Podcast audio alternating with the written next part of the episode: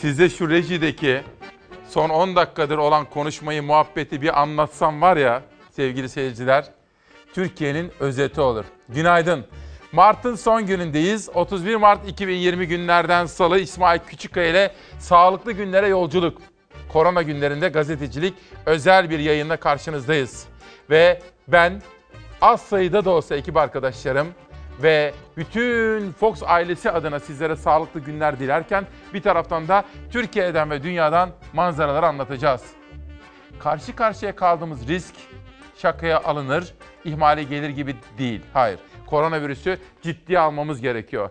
Panik yok, tedbir var dedik bu sabah. Panik yapmayacağız.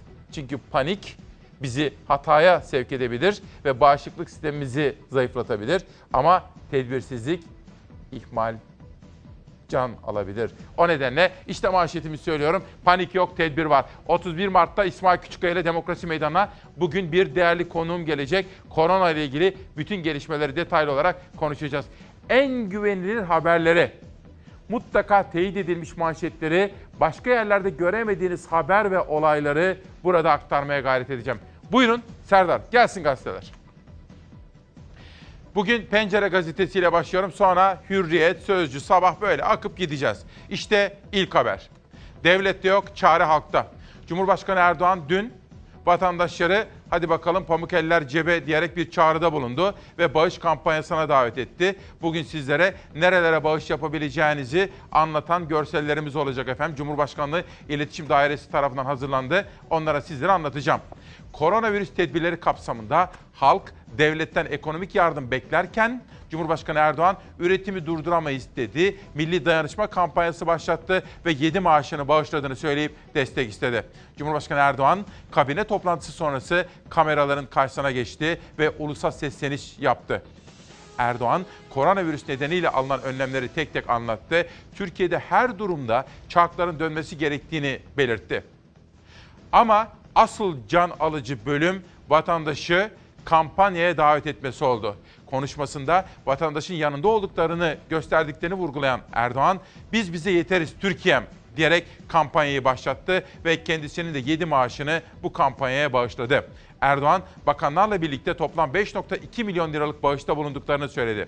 Erdoğan, hayırseverler de 11 milyon dolar destek verdi dedi. Başlamamış kampanyaya nasıl bağış yaptıkları soru işareti oldu diyor efendim. Yani Cumhurbaşkanı Erdoğan vatandaşları bağış yapmaya davet etti. Günün en çarpıcı manşeti buydu. Sür manşete geçiyorum. Orada Sağlık Bakanı Fahrettin Koca var. Bir günde sür manşete geçeceğiz sevgili arkadaşlar. Bir günde 37 ölüm. Yukarıya çıkacağız. Türkiye'de son 24 saatte kamerayla dolalım sorun değil. Türkiye'de son 24 saatte 11.535 koronavirüs testi yapıldı. Vaka sayısı 1610 artarak 10.827 oldu. Ölümler de 168'e ulaştı diyor. Mart ayının son gününde 30 Mart'tan 31 Mart'a geçerken Türkiye'nin koronavirüsle imtihanı hem e, semptomları olanlar var hem de bir takım temaslardan dolayı oluşan teşkilatımızın mensupları var. Şu anda sayısı 20 civarında. Polis teşkilatında da koronavirüse yakalananlar olduğunu ilk kez açıkladı İçişleri Bakanı Süleyman Soylu. İyileşenler de var diyerek Sağlık Bakanı'nın son açıklamasına göre ise koronavirüslü hasta sayısı 10.827'ye yükseldi. Son 24 saat içinde yapılan test sayısı yine rekor seviyeye ulaştı. Bir günde 11.535 kişiye korona testi yapıldı. 1610 yeni hasta olduğu tespit edildi. Böylece toplam hasta sayısı 10.000'in üzerine çıktı. Bir rekor daha yaşandı son 24 saat içinde ölüm sayısı. Bir günde 37 kişi daha Covid-19 virüsü nedeniyle hayatını kaybetti. Vefat edenlerin toplam sayısı 168'e yükseldi. 725 hasta yoğun bakımda, 523 hasta solunum desteği alıyor. İyileşen hastaların sayısı ise 105'ten 162'ye yükseldi. Çok riskli olan hekimlerimizin ve personelimizin COVID-19 tanısı aldığı sayılarının da şu an söylememin doğru olmadığını ifade etmek istiyorum. Sağlık Bakanı Fahrettin Koca koronavirüse yakalanan sağlık çalışanı sayısını açıklamamıştı. Ancak Ankara Tabip Odası sadece Ankara'da 18 sağlık çalışanının COVID-19 testlerinin pozitif çıktığını yapıldığını duyurdu. Ankara'da PCR testi pozitif 17 ve biri hızlı testi pozitif olmak üzere toplam 18 Covid-19 tanısı alan sağlık emekçisi vardır. Biz bütün illerde ne kadar vaka olduğunu biliyoruz. Özellikle bazı illerimizde bu vaka sayılarının fazla olduğunu biliyoruz. Sağlık Bakanı Fahrettin Koca hastaların illere dağılımına ilişkin bir detay vermiyor. Ancak İstanbul'da koronavirüs nedeniyle hayatını kaybedenlerin sayısına ilişkin E-Devlet'ten alınmış belgenin sosyal medyada paylaşılmasıyla alakalı açıklama yaptı. CHP'li Veli Ağbaba'nın da paylaştığı belgelerde hayatını kaybedenlerin sayısı bakanlığın açıkladığı sayıdan fazla görünüyor. Sosyal medyada yer alan açıkladığımız verilerde tutarsızlık olduğu yönündeki iddialar tamamen asılsızdır. Açıklanan sayısal veriler kanıta dayalıdır. Doğrudan Covid-19 tanısını esas almıştır. Veriler anlık gerçek verilerdir. Gerçekleri çarpıtmanın kimseye faydası yoktur. Mecliste de koronavirüs alarmı verildi. Meclis hastanesinde görevli bir doktorda semptomlar görülmesi üzerine test yapıldı. Sonuç negatif ama doktorun son iki haftada muayene ettiği milletvekili, danışman ya da yakınları telefonla aranarak kendilerini izole etmeleri istendi. 40 yaşının altında kimse yok. Herkes tansiyon ilacı kullanıyor. Çanakkale'nin Çan ilçesine bağlı Maltepe köyü de dahil Türkiye genelinde 39 yerleşim yeri koronavirüs karantinasına alındı. Günün ilk manşeti buydu. Türkiye'den korona konusundaki rakamlar ve farklı detaylar özellikle sağlık çalışanları konusunda o detayları aktarmaya sürdüreceğim. Ama sizler evde kalacaksınız ama bir taraftan da evde kalamayanlar, mesela bankalarda çalışanlar, eczacılar, eczanelere gidenler, maden ocaklarında çalışanlar. Dün Türkiye Kömür İşletmeleri bu konuda Zonguldak'la ilgili güzel bir karar aldı. Peki diğerleri? İnşaatlar, şantiyeler neler olup bitiyor her birini sizlerle anlatacağız, konuşacağız. Dün gün boyu telefonum susmadı. Sizin çağrınıza katılıyoruz dediler. Asla işi çıkarmayacağız dediler. Onları araştırıyoruz, isimlerini not ediyoruz ama bir taraftan biraz sonra bahsedeceğim. Çünkü dün dedik ya işçi çıkarmayacağız. Yurtseverlik ve milliyetçilik işte böyle zamanlarda belli olur dedik. Bakın Yıldız Demircan beni diyor iş yerinin adını vermiş. Perşembe günü ansızın virüs nedeniyle küçülmeye gidiyoruz diyerek işten çıkarttılar diyor. Şimdi ben onun takibini aldım. Neymiş ne değilmiş araştıracağım.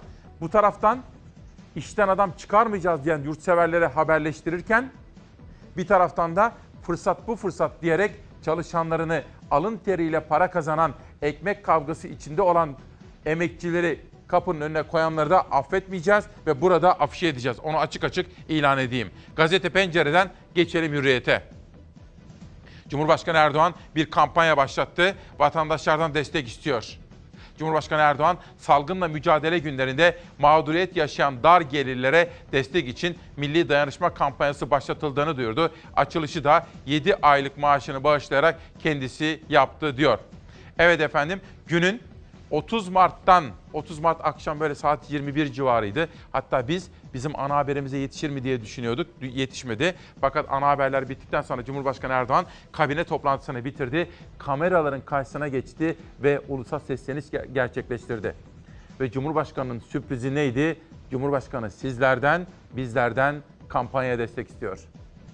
Biz bize yeteriz Türkiye diyerek başlattığımız bu kampanya için Aile Çalışma ve Sosyal Hizmetler Bakanlığımız tarafından şu anda bilgileri ekranda gözüken bir yardım hesabı açıldı. Ayrıca yine ekranda gözüken kısa mesaj numaraları üzerinden de bağış yapılabilecek. Amacımız yevmiye ile geçimini sürdüren kesimler başta olmak üzere alınan tedbirlerden dolayı mağdur olan dar gelirli vatandaşlarımıza ilave destek sağlamaktır. Her ilimizde ve ilçemizde bulunan sosyal yardımlaşma ve dayanışma vakıflarımız aracılığıyla ihtiyaç sahibi vatandaşlarımızı belirleyip bu yardımları kendilerine sunacağız.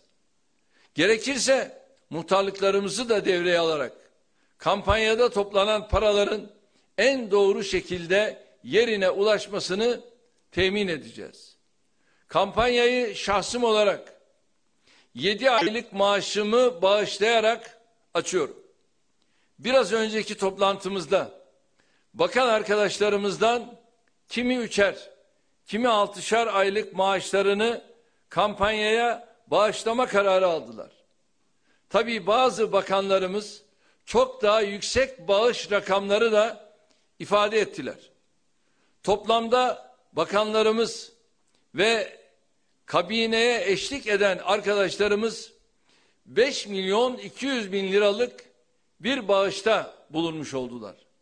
Meclisteki tüm milletvekillerimizi AK Parti başta olmak üzere tüm partilerimizin teşkilatlarını, tüm belediye başkanlarımızı, bürokratlarımızı kampanyaya katılmaya davet ediyoruz. Bu süreç içerisinde en büyük katkıyı da iş adamlarımızdan, hayırseverlerinden bekliyoruz.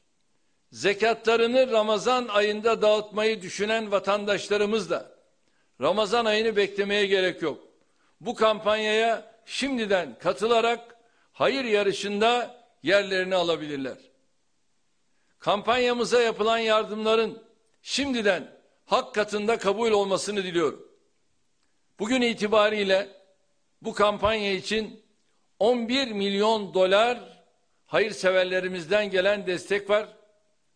Bunu da özellikle bildiriyorum ve kendilerine ayrıca teşekkür ediyorum.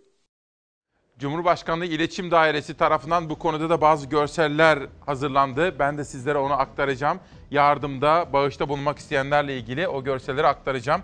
Bu arada Suna Hanım, dünyada bütün devletler vatandaşlarına yardımda bulunurken bizim devletimiz vatandaştan katkı bekliyor. Böylesi hiç görülmüş şey değildir derken Koray Patır, İsmail abi günaydın. Antalya'dan Koray, benim aklım ermiyor. Vatandaş devletinden yardım mı bekliyor? Devlet vatandaşından yardım mı bekliyor? Devlet sadece millete kredi paketi açıklayarak borçlu olanı iyice borçlandırıyor diyor ve bu bağış kampanyası ile ilgili benim aklım almıyor diyor. İşte Cumhurbaşkanlığı İletişim Dairesi tarafından hazırlanan Biz Bize Yeteriz Türkiye'm. Şöyle ekranda biraz dursun bu arkadaşlar. Çünkü bağışta bulunmak isteyen vatandaşlarımız olabilir. Şu numaraları da bir alsınlar. Biliyorsunuz dün Cumhurbaşkanı Erdoğan bu konuda heh, bunu ekran görüntüsü olarak da alabilirsiniz ve bağışta bulunmak isteyenler bağışta bulunabilirler efendim. Şimdi geçelim diğer gazete manşetlerine. Bugünün asıl gündem maddelerinden bir tanesi işte buydu. Cumhurbaşkanı Erdoğan'ın dün akşam ulusal seslenişteki bağış kampanyası. Hürriyetten Sözcü'ye geçiyorum. Bu arada Fatih hocamız bir kere daha buradan geçmişler olsun dileyelim. Ve iyi ki geç sağlığına kavuştu ve iyileşti. İnsanlarımıza da moral oldu. Yaptığı açıklamada da aslında yaşam felsefesi bağlamında çok önemli ipuçları vardı. Bundan böyle dedi sevdiklerimin ve hayatın kıymetini daha iyi bileceğim dedi. İlerleyen dakikalarda Fatih Terim yaptığı açıklamayı sizlere anlatacağım. Sözcü gazetesi önce manşet şöyle bir bakalım ne var. Fatih Hoca karantina ve tedavi günlerini Sözcü'ye anlattı. Koronaya yakalanan Galatasaray'ın hocası Terim 7 gündür tedavi olduğu hastaneden taburcu edildi. Terim yaşadıkları için şunları söyledi. Ben ayın 16'sında hafif kırıklık hissettim. Test yaptırdım, virüs kapmışım. 15 günlük sürem dün doldu. Eşim üst katta, ben alt kattayım. Kendimi izole ediyorum. Kimse merak etmesin, çok iyiyim, aslan gibiyim dedi Fatih Terim. Biraz sonra onun hayat felsefesi bağlamındaki sözlerini de sizlere anlatma imkanı bulacağım. Sıradaki manşetim Sözcü'nün ilk sayfasında ekonomiye dair. Devlet para bassın, vatandaşa dağıtsın. CHP'nin ekonomi kurma ilan kesiciden çağrı. Devlet Planlama Teşkilatı'nın eski müsteşarı ve İstanbul Milletvekili ilan kesici sosyal patlama olabilir. Hükümet doğrudan vatandaşa para dağıtıp harcamaları canlandırmalı dedi. İşte ilan kesicinin sözleri. Dünya koronanın ciddiyetini çok iyi algıladı ve yönetiyor. Bizim de bir an evvel çok ciddi tedbirler almamız lazım. İşini kaybetme endişesi yaşayanlar toplumu sıkıntıya sokar. Gelecekteki sosyal patlama riski hesaba katılmalı. Acilen kaynak bulunarak halk rahatlatılmalı. Hükümetin açıkladığı 100 milyar liralık paket hem yetersiz hem de sosyal devlet boyutu neredeyse hiç yok. Aslında konu sosyal devlettir. Enflasyonun yükselme riskine rağmen hükümetin para basıp doğrudan vatandaşa para dağıtması, harcamaları canlandırması gerekiyor. Ekonomik seferberlik ilanı gerekli diyor ilan kesici efendim. Bugünkü manşetimizi tekrar etmek isterim. Mesele ciddi. Şakaya gelir tarafı yok. Ama panik yok, tedbir var. Evde kalacağız. Evde kalmayanları düşünüyorum. Çalışmak zorunda olanları da düşünüyorum. Ama meselenin ne kadar ciddi olduğunu, karşı karşıya kaldığımız tehlikenin ne kadar derinleşebileceğini nereden anlıyoruz? Amerika'dan anlıyoruz, İspanya'dan anlıyoruz, İtalya'dan anlıyoruz, dünyadan anlıyoruz.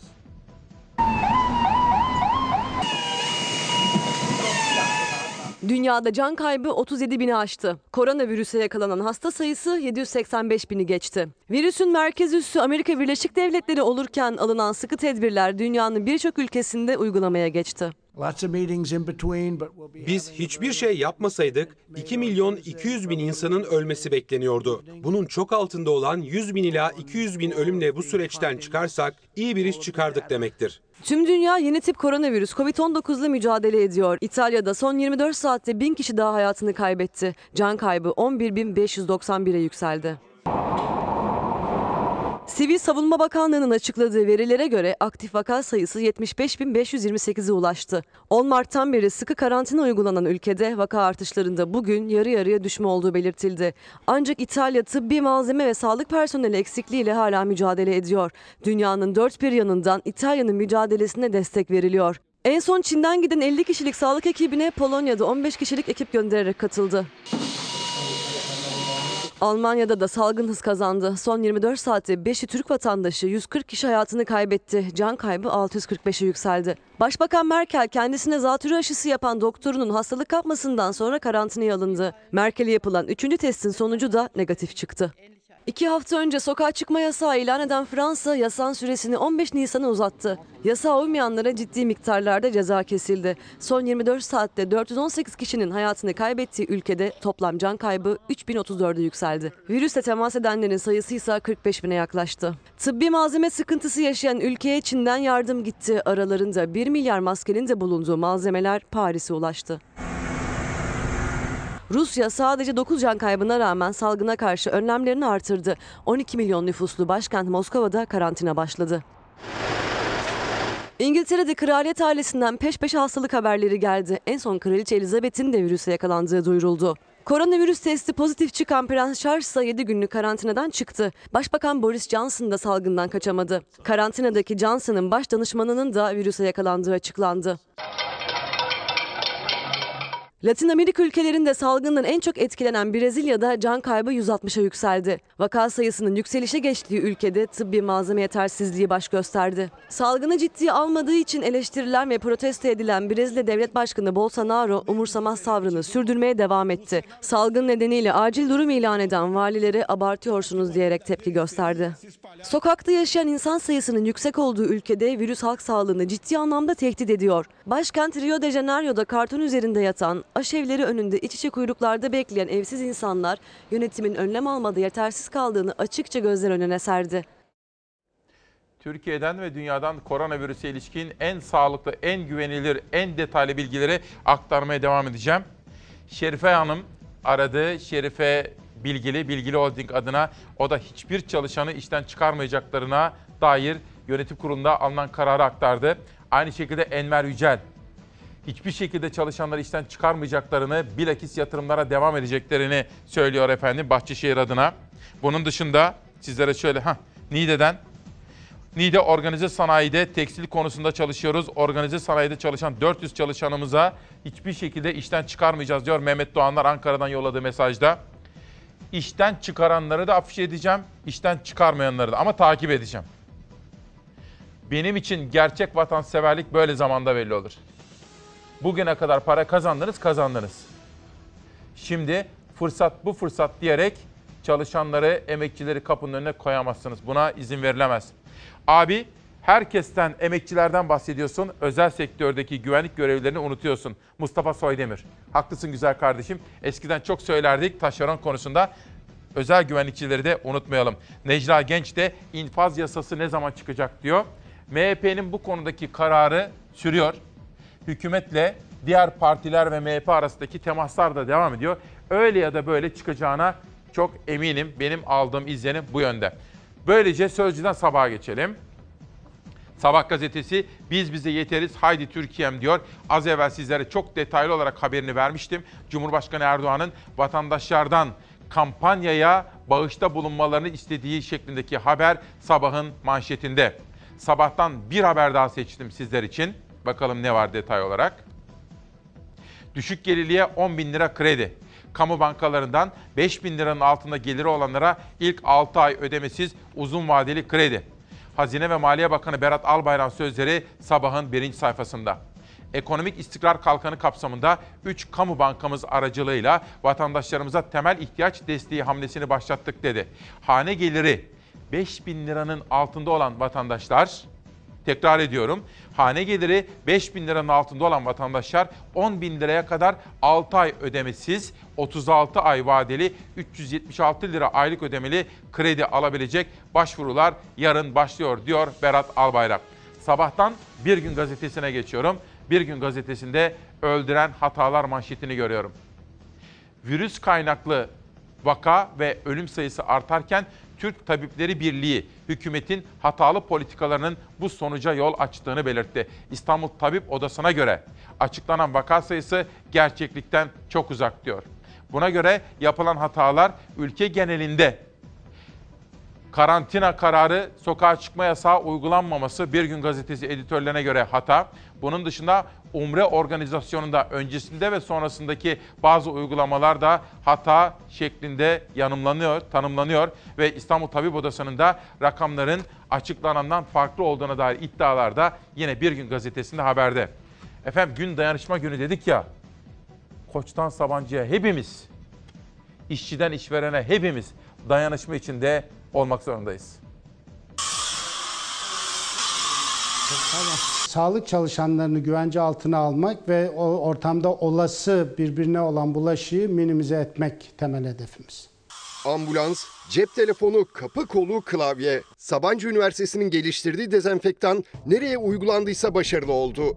Üstelik 3 aya kadar da koruma özelliği olduğu belirlendi. Sabancı Üniversitesi'nde geliştirdiğimiz bu dezenfektan ürününün kimyasal yapısının koronavirüs ailesinden olan SARS virüsüne karşı etkinliği akademik literatürde bilimsel olarak kanıtlanmıştır. Sabancı Üniversitesi Mühendislik ve Doğa Bilimleri Fakültesi nanoteknoloji laboratuvarlarında sürdürülebilir hijyen malzemesi üretildi.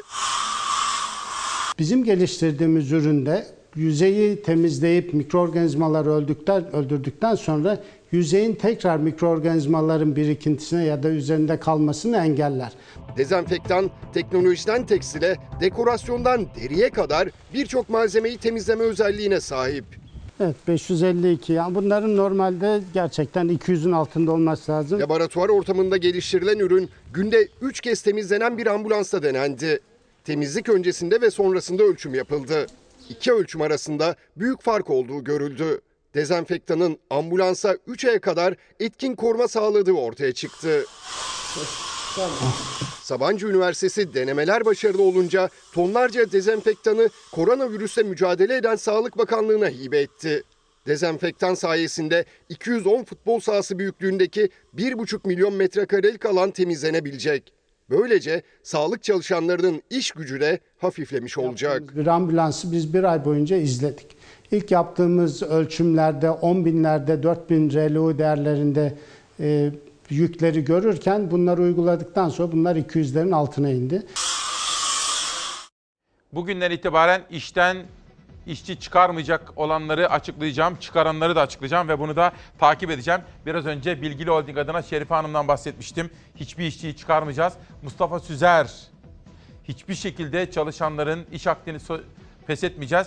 Evde bile kalsalar maaşlarını ödeyeceğiz diyor. Bunun dışında Aslan Şirketler Grubu'ndan Ahmet Aslan, güzel kardeşim hayırlı sabahlar diliyorum. Devletimizin, milletimizin, çalışanımızın yanındayız. Hiçbir personelimizi çıkartmayacağımızı buradan söz olarak veriyorum diyor. Enver Yücel de benzeri bir paylaşımı yaptı. Bilakis yatırımları artıracaklarını söyledi. Bunun dışında notlar aldım efendim. Manisa'dan mesela, Manisa'dan organize sanayide bir boya şirketi de 400 çalışanımız var. Ama söz veriyoruz hiç kimsenin iş akdini feshetmeyeceğiz dedi. Ama işten çıkaranları da takip edeceğimi söylüyorum. Bir günden Karar Gazetesi'ne geçelim. Çünkü efendim benim için vatanını sevmek işte böyle bir şey. Ha iyi günlerde parayı kazandık güzel. Ama zor zamanlarda çalışanı kapının önüne koymak olmaz. Kabul yurtseverlik değil, kabul edilemez. Onun için gün gerçek manada dayanışma günüdür diyorum. Karar Gazetesi biliyorsunuz dün İstanbul Belediye Başkanı Ekrem İmamoğlu, İsmail Küçükkaya ile Demokrasi Meydanı'na katıldı. Çok yapıcı bir dil kullandı ama kaygıları vardı. Bu salgının İstanbul'da büyümesine dair endişeleri vardı. Ve valiye teşekkür etti. Bunun dışında hükümetten görüşelim diye bahsetti ve hükümete dedi ki İstanbul için sokağa çıkma yasağı ilan edin dedi. Mücadelede kilit İstanbul. Önlemlere rağmen virüsün yayılması en üst seviye izolasyon önlemlerini zorunlu kıldı. Bilim insanlarıyla birlikte siyasetin de kısmi sokağa çıkma yasağı ilan edilsin çağrıları arttı. Türkiye'nin dört bir yanındaki vakaların kaynağı olan İstanbul ise virüsle savaşta çok kritik konumda. Peki o halde Süleyman Soylu da bazı açıklamalarda bulundu. Bugünlerde en fazla dikkat çeken sokakta, caddede vatandaşın yanında olan bakan. Bunu da görüyorum. Ha eleştiriyoruz bazen ama burada da hakkını vermek isterim. Gerek Elazığ ve Malatya'daki depremlerde gerekse de burada sokakta biz bir bakan görüyoruz. Sağlık Bakanı görüyoruz. Onun dışında bir de İçişleri Bakanı görüyoruz. Bir de İstanbul Belediye Başkanı'nın bu çağrısına bence kulak vermeli. Ülke genelinde veya kritik illerde en azından bu hafta sokağa çıkma yasağı uygulamaktan çekinilmemeliydi. 4 gün önce, 5 gün önce %80 durmuş idi. Biz sokağa çıkma yasağı olmadan önce, şimdi sokağa çıkma yasağı koyacağız. Koyabiliriz de. Muhalefetin çağrıları sürerken İçişleri Bakanı Süleyman Soylu ilk kez sokağa çıkma yasağı gelebileceğini bu kadar net ifade etti. İsmail Küçükkaya ile Fox Çalar Saat programına katılan Ekrem İmamoğlu ise Türkiye genelinde olmasa da İstanbul'da yasak istedi. Sokağa çıkma yasağı olmalı mı? Bence olmalı. Hükümetimize şöyle de önerdim. Türkiye çapında olmayabilir ama İstanbul'da olmalı. Sağ ol Türkiye. Yarını tedbirlere daha sıkı uyarak geçirelim. Sağlık Bakanı Fahrettin Koca aralarında İstanbul ve Ankara'nın da bulunduğu büyük şehirlerden boş cadde meydan fotoğrafları paylaşarak Türkiye'nin evde kal çağrısına destek verdiğini söyledi. Bu görüntüler de yeni günde başkent Ankara'dan. Bilim insanları da muhalefet de tedbirin daha sık uygulanmasını istiyor. Öncelikle yayılan illerden başlamak üzere süreli ve sınırlı sokağa çıkma yasağı uygulamaktan tereddüt etmemeleri gerekir. Hiçbir tedbir almaktan çekinmeyiz ama bütün bu parametreleri takip ediyoruz. Bilim kurulu üyeleri bu haftanın çok kritik olduğunu ifade ediyorlar. Kimse yurttaşlarımızın sağlığıyla, canıyla asla kumar oynamamalıdır. Şu andaki durumda yaklaşık %95 civarında hayat cumartesi pazar itibariyle söylüyorum eve çekildi. Yarın izleyeceğiz. Öbür gün izleyeceğiz. İçişleri Bakanı Süleyman Soylu gazeteci Cüneyt Özdemir'e konuştu. Vatandaşların evde kal çağrısına uyduğunu söyledi. Ama sokağa çıkma yasağının da seçeneklerden biri olduğunu altını çizdi. Şimdi sokağa çıkma yasağı koyacağız koyabiliriz de. Güvenliğe sokağa çıkma yasağı koyacak mıyız? Sağlığa sokağa çıkma yasağı koyacak mıyız? Gıda tedariki yapana sokağa çıkma yasağı koyacak mıyız? Elbette ki hayır. Bugün ertelediğimiz her tedbirin yarın çok daha ağır tedbirlerle telafi edilmek zorunda kalınacağı unutulmamalıdır. Moskova'da hasta tespit sayısı 1040 ve sokağa çıkma yasağı koydu Moskova. Singapur virüsün ülkeye yayılmasını sokağa çıkma yasağı ilan ederek engelledi. Çin salgın hızlanmasıyla sokağa çıkma yasağı ilan etti. Salgına karşı ciddi önlemler almamakla eleştirilen İtalya, Fransa ve İspanya gibi Avrupa ülkeleri yasağı geç ilan etti. Salgının önüne geçemedi. Türkiye çapında karantina şart. Aksi halde sağlık sistemi çöker. Herkes de bunun altında kalır. Sağlık sistemimizi ayakta tutacağız. Tedarik, gıda, hijyen, temizlik sistemimizi ayakta tutacağız. Kamu düzenini ayakta tutacağız ve sosyal mesafeyi evet. sağlayacağız. Oluşturduk, Peki. oluşturduk. Oluşturamadık. Anladım. Alabileceğimiz tüm tedbirleri alırız. İçişleri Bakanı sokağa çıkma yasağı ilan edebiliriz dedi ama zaman vermedi. Dayanışma günleri dedik ya Fenerbahçeli futbolcuların da kendi aralarında 5 milyon lira topladıklarını gördüm. Onlara da teşekkür ediyorum. Bunun dışında Ciner Holding de Turgay Ciner'in talimatıyla hiçbir şekilde bu sebepten dolayı hiçbir çalışanın işine son vermeyeceklerini kamuoyuna duyurdu. Ben bu gelişmeleri dikkate takip edeceğim. Koronavirüs günlerinde çalışanını koruyan ve korumayanlarla ilgili en büyük dikkatimiz burada olacak efendim. Geçelim Cumhuriyet'e karardan sonra. Duyun artık diyor. Haftalardır iktidarı uyaran hekimler ideolojik ön yargıları bırakın katı izolasyon sağlayın çağrısı yaptı. Sibel Bahçetepe'nin haberi. Türkiye'de taksit taksit alınan kararlar yalnızca zaman kaybına yol açtı. Özellikle büyük şehirlerde salgın yayılırken Türkiye vaka sayısı artış hızında ilk sıralarda yer aldı. Hala fırsat olduğunu belirten Türk Tabipleri Birliği test sayısı 30 bin üzerine çıkarılsın katı izolasyon şart açıklamasında bulundu. Sayfanın altına doğru birazcık indiğiniz zaman görüyorsunuz. Dün İsmail Küçükkaya Demokrasi Meydanı'na katılan ve hükümeti en azından İstanbul'da sokağa çıkma yasağı ilan etmesi konusunda çağrıda bulunan Ekrem İmamoğlu ile ilgili haber de yine Cumhuriyet Gazetesi'nin birinci sayfasında yer almış durumda. Efendim biraz sonra sağlık çalışanları ile ilgili, aile hekimleri ile ilgili, emekliler ve çalışanlarla ilgili, işten çıkaran ve çıkarmayanlara dair, ekonomi dünyasına dair haberlerim var. Ve çok değerli bir misafirim de olacak biraz sonra. Ama izin verirseniz şöyle bir reklam arasına gidelim. Ben güncel bilgilerimi çalışma arkadaşlarım ve danışmanımla hemen bir güncelleyip huzurlarınıza geleceğim. Geçen gün bizzat da konuştum. Emekli Büyükelçi Hasan Göğüş, Zor Başkentlerde Diplomasi, Profesör İlber Ortaylı'nın sunuşuyla o da yeni çıkan kitabını imzalayarak bana yolladı. Kendisine teşekkür ediyorum. Kısa bir reklam arasından sonra İsmail Küçükkaya ile sağlıklı günlere yolculuk devam edecek. Mart ayının son günündeyiz. Yarından itibaren Nisan 31 Mart 2020. İsmail Küçükkaya ile sağlıklı günlere yolculukta Demokrasi Meydanı'nda bugün en doğru, en önemli, en güvenilir bilgileri sizlere anlatmaya gayret ediyoruz efendim. Özel bir yayın akışı içerisindeyiz. Bugün de yine yayınımız 10.51'e kadar devam edecek. Çünkü kanalımız madem ki halkımızın haber alma ihtiyacı en üst noktaya çıktı. Madem ki halkımız Fox'a güveniyor, Çalar Saat'e güveniyor. Bizler de halkımıza daha fazla bilgi vermek üzere fedakarlık yapıyoruz efendim. Dolayısıyla bu konuda yardımcı olan ekip arkadaşlarıma, bütünüyle Doğan Şentürk yönetimindeki Fox'a ve danışmanıma da çok teşekkür ediyorum efendim. İşte bugünün manşeti. Panik yok, tedbir var. İkinci tur gazete manşetlerine hazır mıyız arkadaşlar? Peki gazete manşetlerine biraz sonra devam edeceğim. Günün en önemli haberini atıyoruz şimdi manşet olarak. 30 Mart 2020'de saatler böyle 21 civarında Türkiye Cumhuriyeti Cumhurbaşkanı Erdoğan kameraların karşısına geçti. Bakanlar Kurulu toplantısını bitiren aynı zamanda AK Parti lideri olan Erdoğan ulusa sesleniş konuşması yaptı. Alınan ve alınması gereken tedbirleri anlattı. Vatandaşlara çağrılarda bulundu ve Sayın Erdoğan dedi ki ben 7 maaşımı bağış olarak bulun, bağışlıyorum. Vatandaşlarımız da bağışta bulunsunlar dedi. Cumhurbaşkanı Erdoğan koronavirüsle mücadele için milli dayanışma kampanyası başlattı. Biz bize yeteriz Türkiye diyerek başlattığımız bu kampanya için Aile Çalışma ve Sosyal Hizmetler Bakanlığımız tarafından şu anda bilgileri ekranda gözüken bir yardım hesabı açıldı. Biz bize yeteriz kampanyasına Cumhurbaşkanı Recep Tayyip Erdoğan 7 maaşını bağışladığını açıkladı.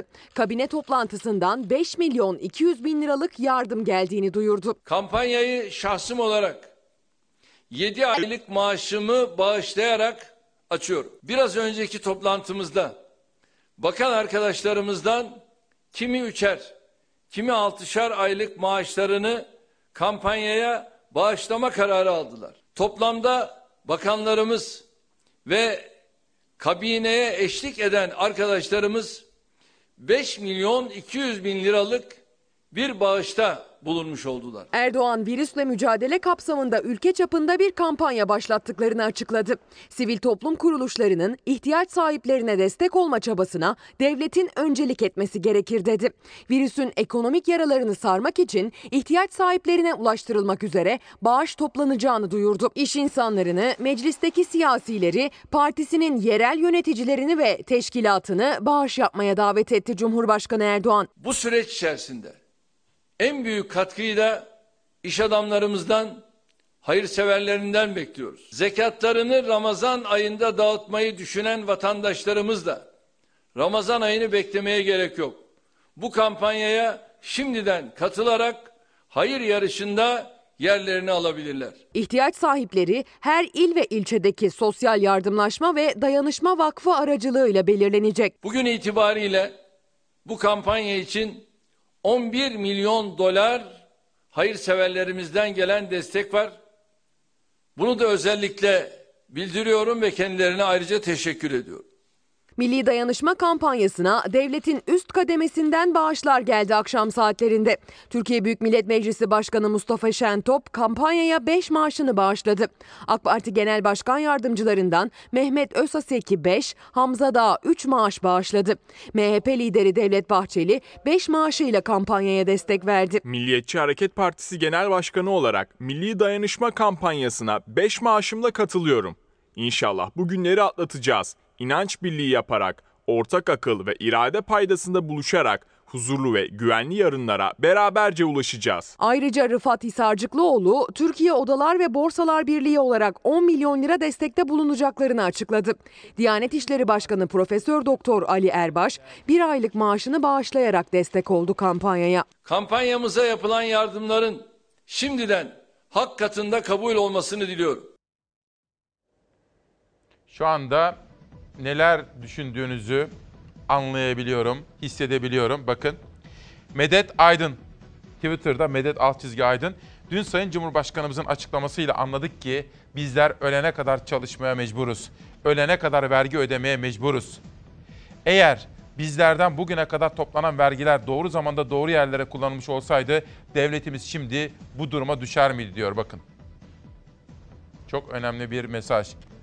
İbrahim, Abi yıllardır bize dediler ki büyük devlet, büyük devlet, büyük devlet.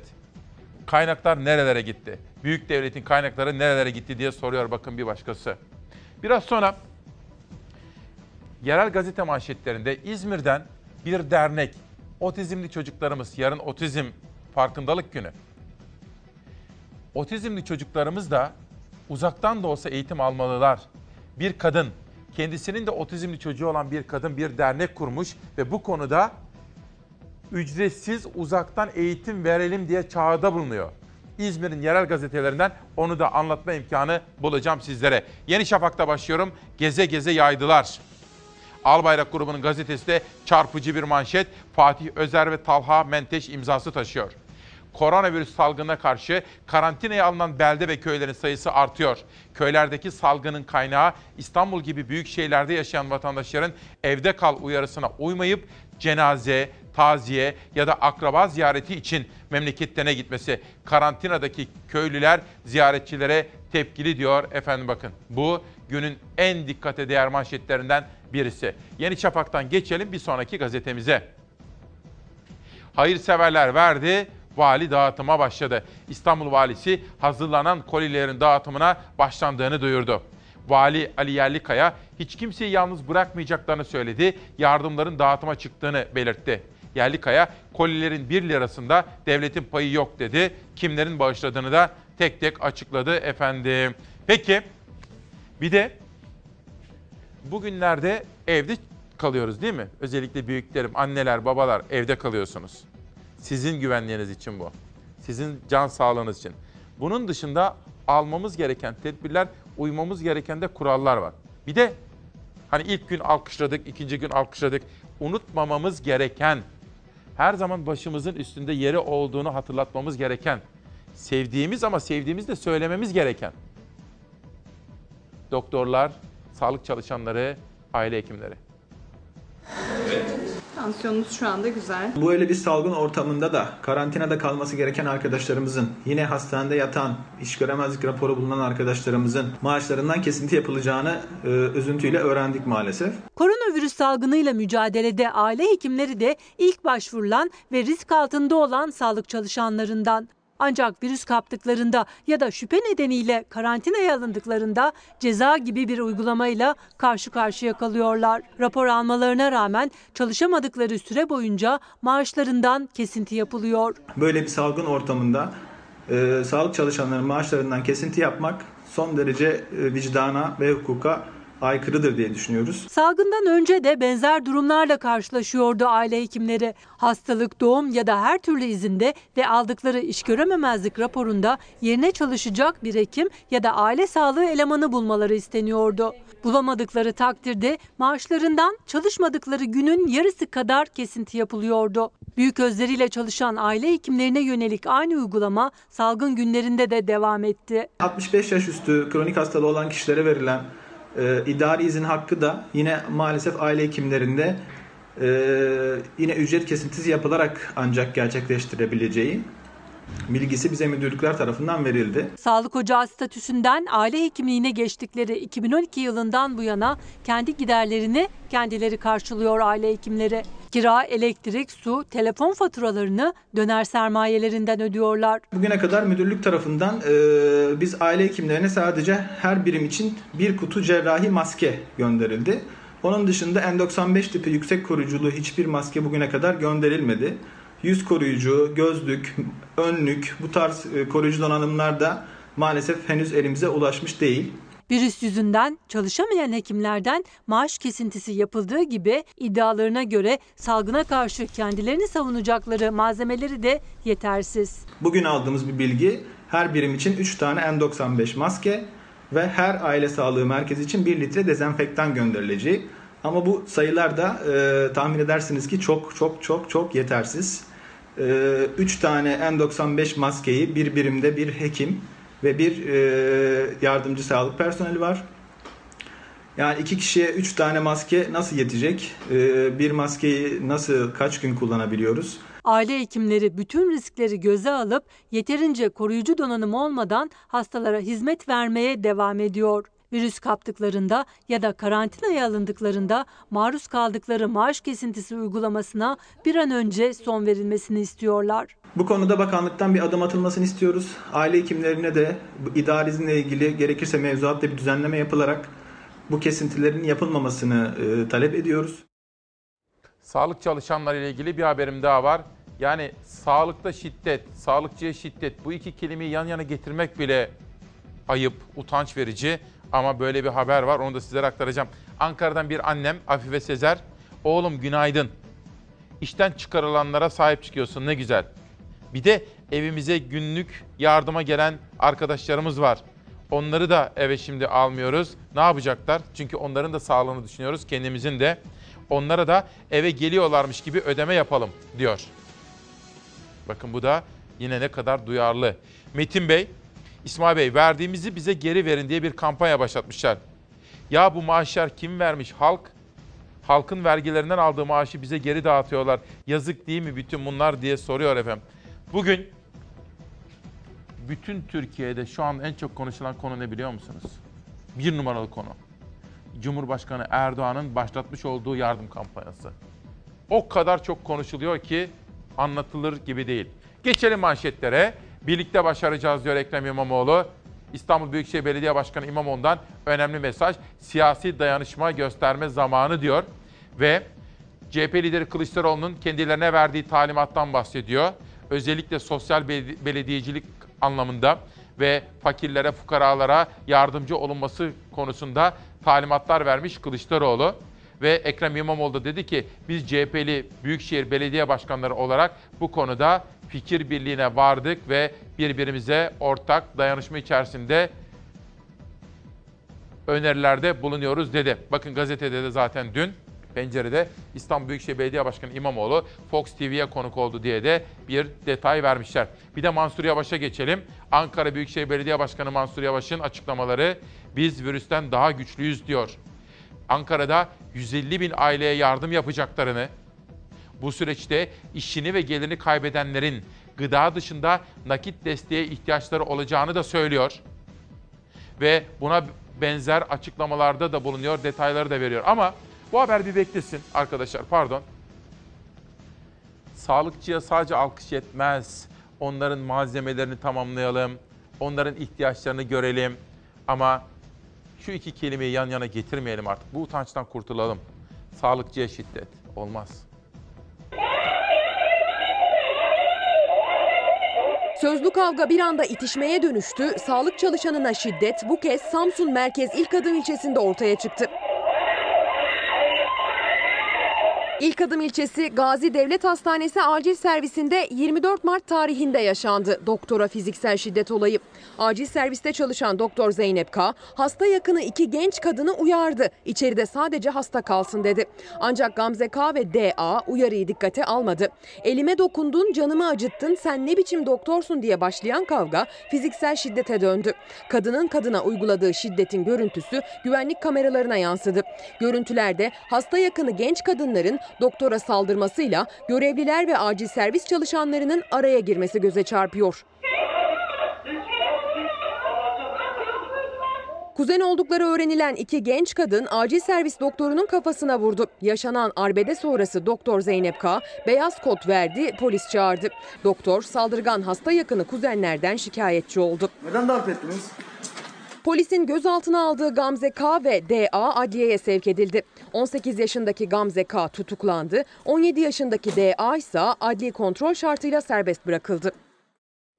Bu arada maden ocaklarında çalışanlar, tabii Türkiye kömür işletmelerine teşekkür ediyoruz. Zonguldak'taki madenleri kapattılar. Ama bunun dışında bankalarda çalışanlar, karayolu inşaatlarında, şantiyelerde, tünel inşaatlarında çalışanlar, bunun dışında itfaiye çalışanları, polislerimiz, zabıta çalışanları, onlar sokakta. Mesela elektrik ve doğalgaz çalışanları. Onlara ne kadar teşekkür etsek azdır. Esnaf, Suat Akyüz, Ankara'dan Tunalı'dan bir esnaf. Diyor ki sevgili İsmail Bey günaydın. Öncelikle iyi yayınlar. Merkez Bankası kredi kartı ve tüketici kredisi aylık faiz oranlarında indirime gidiyor. Tamam ama kamu alacaklarına uygulanan faiz oranlarında neden indirime gitmiyor devlet bankaları diye bir soru soruyor Suat Bey. Geçelim akşam gazetesine. Teknik takip tartışması. Çin, Güney Kore ve İsrail gibi ülkelerin kullandığı koronavirüs şüphelilerini cep telefonundan izleme yöntemi Avrupa ve Amerika'nın da gündeminde. Koronavirüs tespit edilen kişiler ve yakın çevresindekilerin cep telefonlarının geçmişe dönük konum bilgileri taranarak yayılma haritası ve temas ettiği kişiler ortaya çıkarılıyor. Bu kişilerde sağlık taraması ve testten geçiriliyor diyor bakın. Akşamdan bir çarpıcı haber daha gelsin yan tarafta.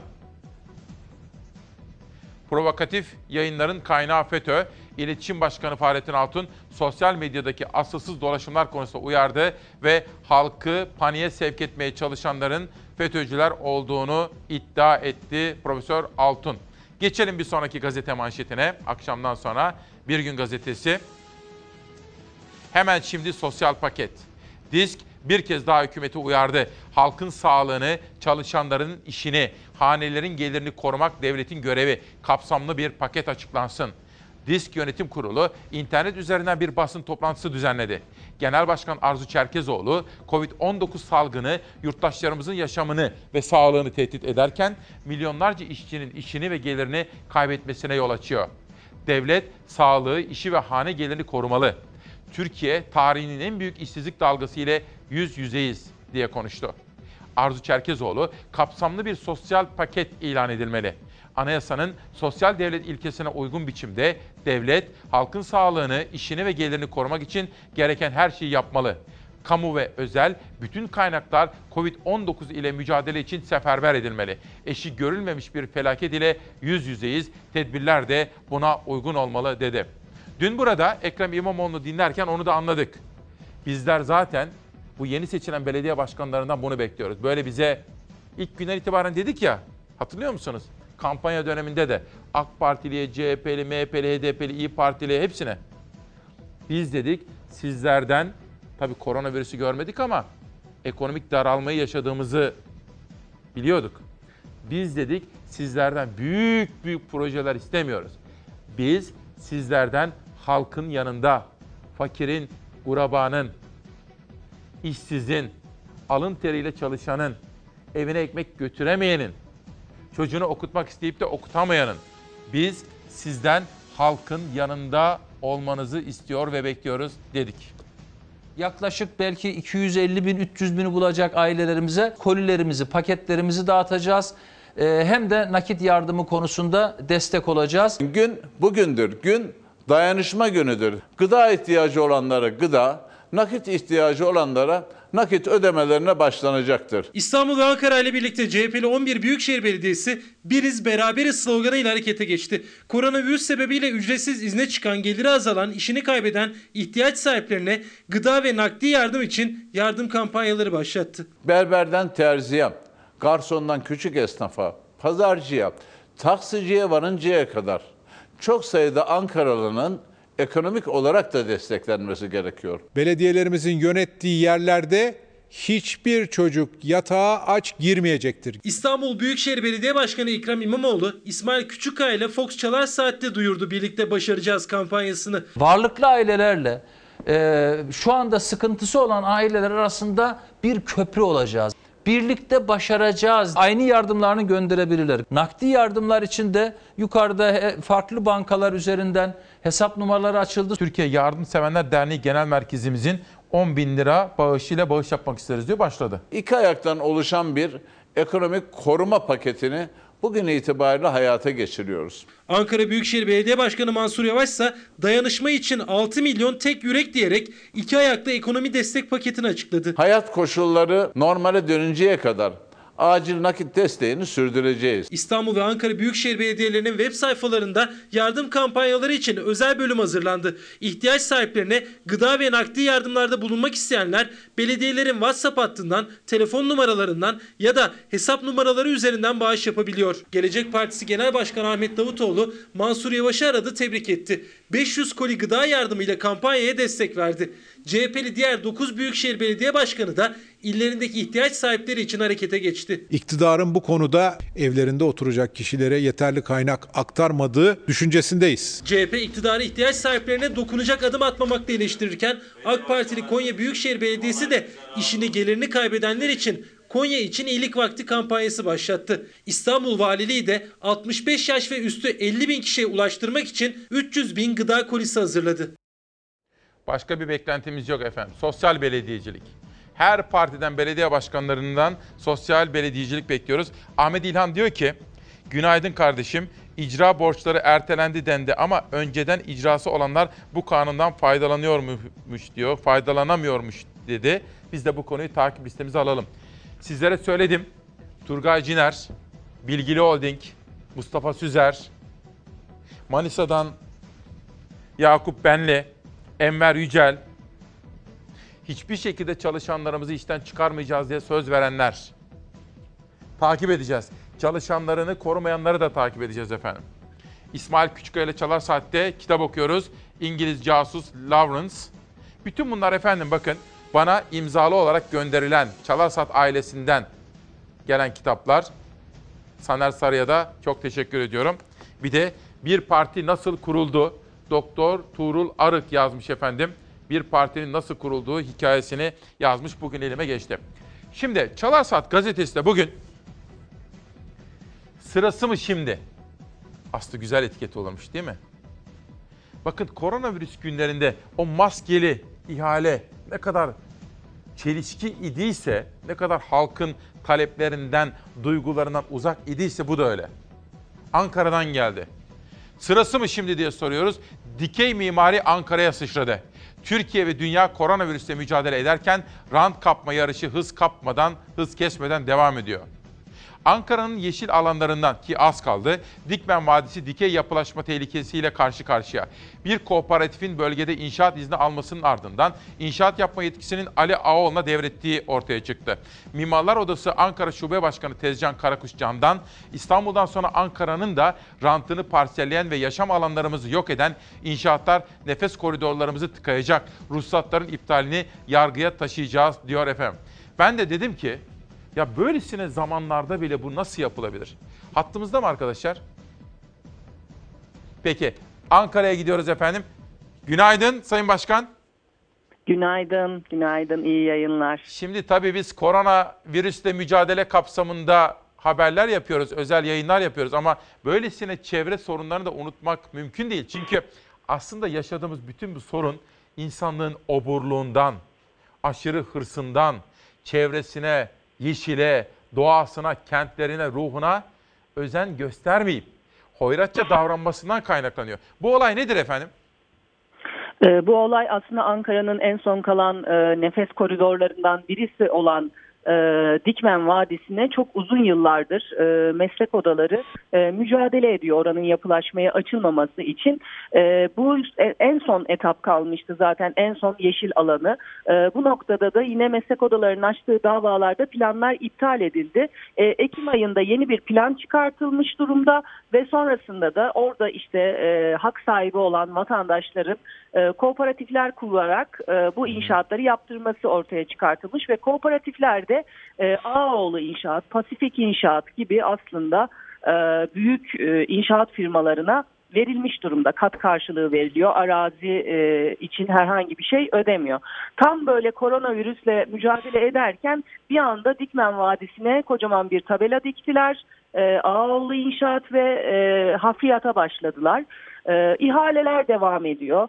E, bir taraftan sadece Ağoğlu İnşaat mevzusu devam etmiyor. İhaleler devam ediyor. Ulus Tarihi Kent Merkezi'nde e, tarihi binalar e, kundaklama e, şüphesi yaratacak derecede e, yakılıyor. E, ve bir taraftan da hala e, e, devlet ihale açıyor maskeli ihale, ihaleler yapılıyor, kentsel tasarım ihaleleri yapılıyor, inşaat ihaleleri yapılıyor. Ama bir taraftan da şantiyede e, mimarlar, mühendisler, e, işçiler e, bu e, zorlu süreç içerisinde çalışmaya e, bırakıyorlar. Ne yapacaksınız E, bu- şimdi?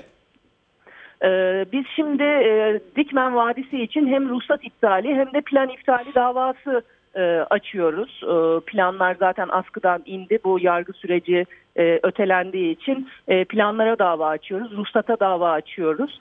Öte yandan da tabii ki bütün bu süreci takip edeceğiz. Yani gerçekten herkesin sağlığımıza odaklanması gereken bir noktada. Bugün aslında koronavirüs gibi onlarca virüsün e, kaynağını oluşturan bu doğayla barışık yaşamama yaklaşımının, doğayı talan etme yaklaşımının terk edilmesi gerektiğini düşünüyoruz. Yani şu anda gerçekten herkes sağlığına odaklanmışken hala ihalelerin devam ediyor, hafriyatların yapılıyor olması, inşaatların devam ediyor olması e, gerçekten akıl tutulması yani akıl dışı bir süreçle Siz, karşı siz karşıyayız. takip edin bunu. Ben dün Mansur Yavaş'ın en yakın çalışma arkadaşlarına da sorular sordum bu konuda. Dedi ki baktırdı 2017 yılında dedi şu kooperatif tarafından alınmış şimdi dedi Ağoğlu'na inşa, inşaat için anlaşma yapılmış dedi.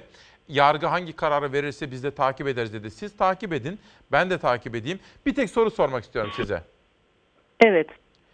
Sizce bu yaşadığımız koronavirüs vakaları, salgını küresel çapta bunun başlıca sebebi ne olabilir sizce? Ee, Bunun başlıca sebebi aslında e, hem dünyayı e, hem de ülkemizi yönetenlerin aşırı kar hırsı ve doğal süreçlerle yani dünya sadece bize ait değil. Dünyanın işte doğal varlıkları var, nefes koridorları var, bu dünyada yaşayan canlılar var, ekolojik bütünlük var. Bu ekolojik bütünlüğü görmeden sadece o hani bu ülkeyi e, ve dünyayı yönetenlerin aşırı her şeyi kendi e, noktalarında ranta çevirmesinin bir ürünü. İşte vadilerin yapılaşmaya açılması, e, kıyıların yapılaşmaya açılması, eşiklerin, ekolojik eşiklerin parçalanması, yani doğanın bütünlüğünün bozulması, e, işte hava kirliliği buradan geliyor, işte denizlerin kirlenmesi e, ve vadilerle birlikte su yataklarının, havzaların tamamının yapılaşmaya açılması inanılmaz derecede bu doğanın dengesini bozmuş durumda. Peki. Doğal, doğa, Çok özür dilerim. Sözünüzü kesin. Bitirin lütfen. Lütfen. Evet doğanın dengesini bozmuş durumda. Yani buradan aslında yeni bir sürecin ortaya çıkması gerekiyor. Yani biz artık bu dünyada insanlar tek başına işte daha iyi yönetelim, daha fazla kar edelim e, bir iktidar hırsıyla değil e, doğayla bütünlüklü bir şekilde yaşamayı ve herkese aslında eşit muamele e, yapılabilecek bir yeni ortamın şekillenmesi gerekiyor ve doğa buna bunun mesaj bize bunun mesajını veriyor. Bugün evet karantina sürecindeyiz ama bizim meslektaşlarımız şantiyelerde çalışıyor. Mühendisler, mimarlar, işçiler. Onlar için herhangi bir e, gönüllü karantina süreci olmuyor. Bu eşitsizlik, bu adaletsizliğin aslında e, bir süreci olarak e, doğanın verdiği e, tepki diye düşünüyorum. Ama bu Çok tepki ederim. insanlıktan çok e, bizi yönetenlere yönelik. Sağ olun. Çok teşekkür ediyorum. Ben beni teşekkür beni ederim. bilgilendirin olur mu? Peki ben teşekkür ediyorum. Sağ çok olun. teşekkürler. Çok evet, sağ olun. peki tarım en önemli gündem maddemiz tarım. Bu ülkede 83 milyon insan yaşamakta. Sığınmacısı, turistiyle günde 90 milyon insan karnını doyurmakta. Ve bu virüs korona krizi nedeniyle de gıda dünyada insanın en önemli sorunlarından ve problemlerinden biri olarak karşımıza çıkmaktadır. Virüs pandemi, kıtlık, açlık yapar.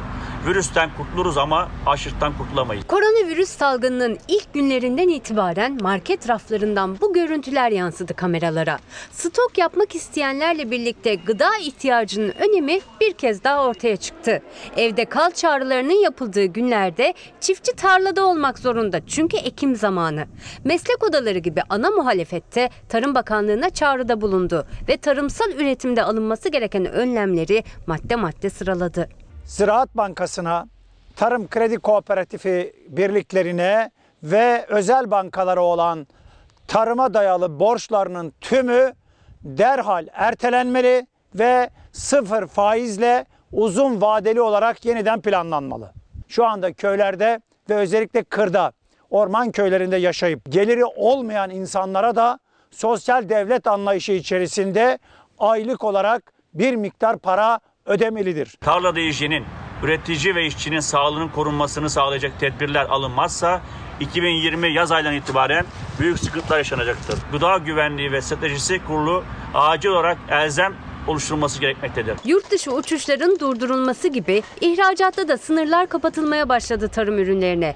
Türkiye kendine yetmek zorunda. Çiftçinin tarlaya gitmesinin yoluysa girdilerinin hafifletilmesi ve desteklemelerin zamanında yatırılması. Son 18 yılda yaklaşık 35 milyon dönüm tarım alanı ekilmiyor.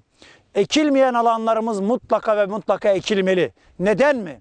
Daha dün Rusya pirinç ve kara buğdayda ihracatı durdurdu. Çiftçinin en büyük maliyetleri elbette girdileridir. Bu girdilerin çiftçiye rahat ulaşabilmesi ve ucuz alabilmesinin yolu da desteklemelerdir. CHP ürün fiyatlarının hasattan önce açıklanması ve çiftçiye de alım garantisi verilmesi gerektiğini vurguladı. Üretim zincirindeki vergi yüküne de dikkat çekti. Halden markete ve pazarcıya satılan ürünlerde %8 KDV kesilmektedir. Derhal bu KDV'lerin sıfıra indirilmesi gerekmektedir. Sadece sebze ve meyvede, meyvede mi? Hayır. Kırmızı ette, et ürünlerinde, süt ürünlerinde KDV derhal sıfıra indirilmelidir. Bu arada Fenerbahçeli futbolcuların da hani bağış kampanyalarından da bahsediyoruz. Kendi aralarında 5 milyon lira topladıklarına dair bilgiyi de onlara teşekkür ederek sizlere aktarmak isterim. Gelelim dünya manşetlerine The Washington Post gazetesi Trump yasakları da uzattı. İlk başlarda biliyorsunuz ciddiye almamıştı.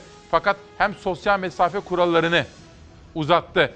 Okulların tatili olmasını, uzaktan eğitim kararlarını uzattı. Trump bu konularda yeni genelgeler yayınladı. Fotoğrafta da Amerika'daki parklarda kurulmakta olan sahra çadırlarını, sahra hastanelerini görüyorsunuz. Özellikle New York'taki Central Park'ta bir fotoğraf. Geçelim Le Monde gazetesine. Amerika'dan Avrupa'ya geldiğim zaman Amerika biliyorsunuz 200 bin kişinin ölebileceğine dair bir kabus senaryosuyla baş etmeye gayret ediyor. Fransızların gazetesi Le Monde gazetesi diyor ki sağlıkta acil durum demokrasileri test ediyor diyor. Bakın gerçekten karşı karşıya kaldığımız durum. Haberin içerisinde Macaristan'da meydana gelen gelişmeler, parlamentonun adeta askıya alınması da var. Sayfanın ortasına şöyle bir baktığınız zaman Amerikan liderliği çöktü diyor. Çünkü Trump bu konuda 200 bin kişinin ölümüyle kurtulursak başarılı sayacağım kendimizi diyor. Fotoğrafta gördüğünüz gemi New York'a gönderilen bir hastane gemi efendim. Geçelim Financial Times gazetesine. Financial Times gazetesinde petrol fiyatlarının 20 dolarlara kadar düştüğüne dair bir haber ve bunun analizleri, bunun piyasalara etkisi. Şöyle bir bilgi vereceğim. Sabah Zafer Söken'le çalışıyorduk. Bunun haberi de hazırlanıyor. Hatta hazır mı arkadaşlar? Hazır mı? Ha çok iyi. Hazırlarken dün bir kaynağımla konuşmuştum. Hükümet çevrelerine de yakın bir ekonomi konusundaki önemli bir isim. Dedi ki 20 dolarları gördü petrol dedi. Bize dedim faydası şu. Biz petrol 70 dolar iken ortalama 45 milyar dolar harcıyor idik petrole. 20 dolarlara düşünce bizim buradan yıllık petrole olan ödeyeceğimiz para 15 milyar dolarlara kadar indi dedi. Bakalım piyasaları nasıl etkileyecek? Koronavirüs pandemisi nedeniyle petrol talebi düştü. Suudi Arabistan ve Rusya'nın petrol anlaşmazlığı sona ermeyince ham petrol fiyatları son 18 yılın en düşük seviyesini gördü. 20 doların altına geriledi. Koronavirüs nedeniyle çok sayıda ülkede seyahat kısıtlamaları ilan edildi. Ülkeler arası seyahat minimuma indi. Dünyanın dört bir yanında insanlar evlerine çekildi. Sosyal izolasyon uygulamaları hayata geçti. Pandemi nedeniyle ulaşımın temel unsurlarından biri olan petrole olan talep düştü. Petrol üreticisi ülkeler arzı azaltma konusunda anlaşamadı. Özellikle Suudi Arabistan ve Rusya arasındaki anlaşmazlık ham petrol fiyatlarını vurdu. Daha önce 100 liranın üzerine çıkan Mart ayı başında 50 dolar olan ham petrolün varil fiyatı önce 30 dolara şimdi ise 20 doların altına düştü.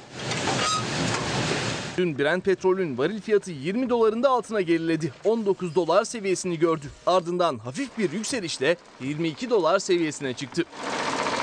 Petrol fiyatlarının düşmesi Türkiye gibi petrol ithal eden ülkeler için iyi haber oldu. Yılda ortalama 45 milyar dolar petrol ithalatı yapan Türkiye'nin petrol için harcadığı para 3'te 1'e inmiş oldu. Petrol fiyatlarının düşmesi tüketicinin cebine de yansıdı. İstanbul'da benzinin litresi ortalama 5 lira 8 kuruşa, motorinin litresi 5 lira 37 kuruşa geriledi. Şimdi Şehriban Hanım diyor ki sevgili İsmail Bey bize yıllardır büyük devlet, büyük devlet, büyük devlet dediler. IMF'ye 5 milyar dolar borç verdik dediler. 40 milyar dolar Suriyelilere harcadık dediler. Gerekirse devletimizin parasıyla Kanal İstanbul'u yaparız dediler 100 milyar dolar. Peki neden şimdi yardım kampanyası açmak durumunda kalıyorlar diyor bakın. Çok anlamlı bir soru. Kim sormuş? Şehriban Hanım. Çok anlamlı bir soru. Ve geçelim Financial Times gazetesinden sonra El Mundo gazetesi. İspanyolların gazetesinde İspanya'nın belki de borçlarını ödeyememe durumuyla karşı karşıya kalabileceğini, 6 ay içerisinde moratoryuma gitmek ve borçlarını ödeyemeyeceğini ilan etmek zorunda kalabileceğine dair ekonomik bir kabus senaryosundan bahsediyor El Mundo gazetesi. Geçelim Almanya'ya. Der Tage Spiegel gazetesi ikiye ayırmış sayfasının en üst tarafını iyi giden ne diye sormuş. Sağlık ve aşı konusundaki gelişmeleri irdelemiş. Daha sonra öbüründe hemen yan tarafta da ne olup bittiğine dair de piyasalara dair bir haber araştırması yapmış efendim. Yerel gazetelere de gideceğim ama bu koronavirüs Çin'den çıktı. Avrupa en fazla ölümün yaşandığı yer haline geldi. Çin o arada çok sıkı tedbirler uyguladığı için Wuhan'da bu işi çözdü. Şimdi Amerika tehdidi altında ama Çin'i de unutmamalı. Çin'in Wuhan kentinde başlayarak tüm dünyaya yayıldı. Önce İtalya ardından da İspanya'yı en sert şekilde vurdu. Tüm dünya koronavirüs salgınıyla büyük bir mücadele verirken Çin'de hayat normale dönmeye başladı. Çin'de 3302 kişi virüs nedeniyle hayatını kaybetti. Ülkede ölüm haberleri durdu. İtalya can kaybında Çin'in 3 katına, İspanya ise 2 katına çıktı. 2 ay boyunca sıkı karantinanın uygulandığı Wuhan'da yollar yeniden trafiğe açıldı. Trenlerin şehre gelmesine izin verildi. 昨天上午九点半， Yeniden rutin düzenlerine geri dönen Wuhan sakinleri hala temkinli. Kişisel mesafeye ve hijyene dikkat ediyor. Şehirde bir metro istasyonunda etrafa kağıt paraların saçıldığı görüldü. Koronavirüs korkusu nedeniyle paralara kimse dokunmadı. Ticari işletmeler yeniden kaldırdı kepenklerini. Toplu ulaşım kısmen hizmet vermeye başladı. Sıkı tedbirler 8 Nisan'a kadar dikkatli bir şekilde uygulanmaya devam edilecek. Öte yandan 11 milyon nüfusun yaşadığı Wuhan'da durumu ağır olan hastaların tek bir merkeze toplanmasına karar verildi. Şimdi iktidar, iktidardan bizi izleyenler. Türkiye anlamak istiyorsanız size şunu söyleyeyim. Ben tabii destek veriyorum. O görselleri de aktaracağım. Ama çok eleştiriliyorsunuz. Vatandaş bu kampanya konusu çok eleştiriyor.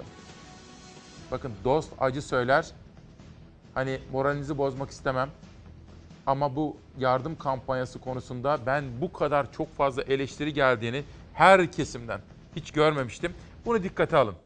Bugün hatta hemen şöyle bir piyasaya bir baktırın efendim. Ben de tabii kampanyanızın çok başarılı olmasını canı gönülden istiyorum ama vatandaşlar demek ki canı burnunda insanların. Sevim Eski Ocak, biz bize zor yetiyoruz. Ev kirası, kredi kartı borcu, elektrik, su, gıda masrafı bile içinde yok daha.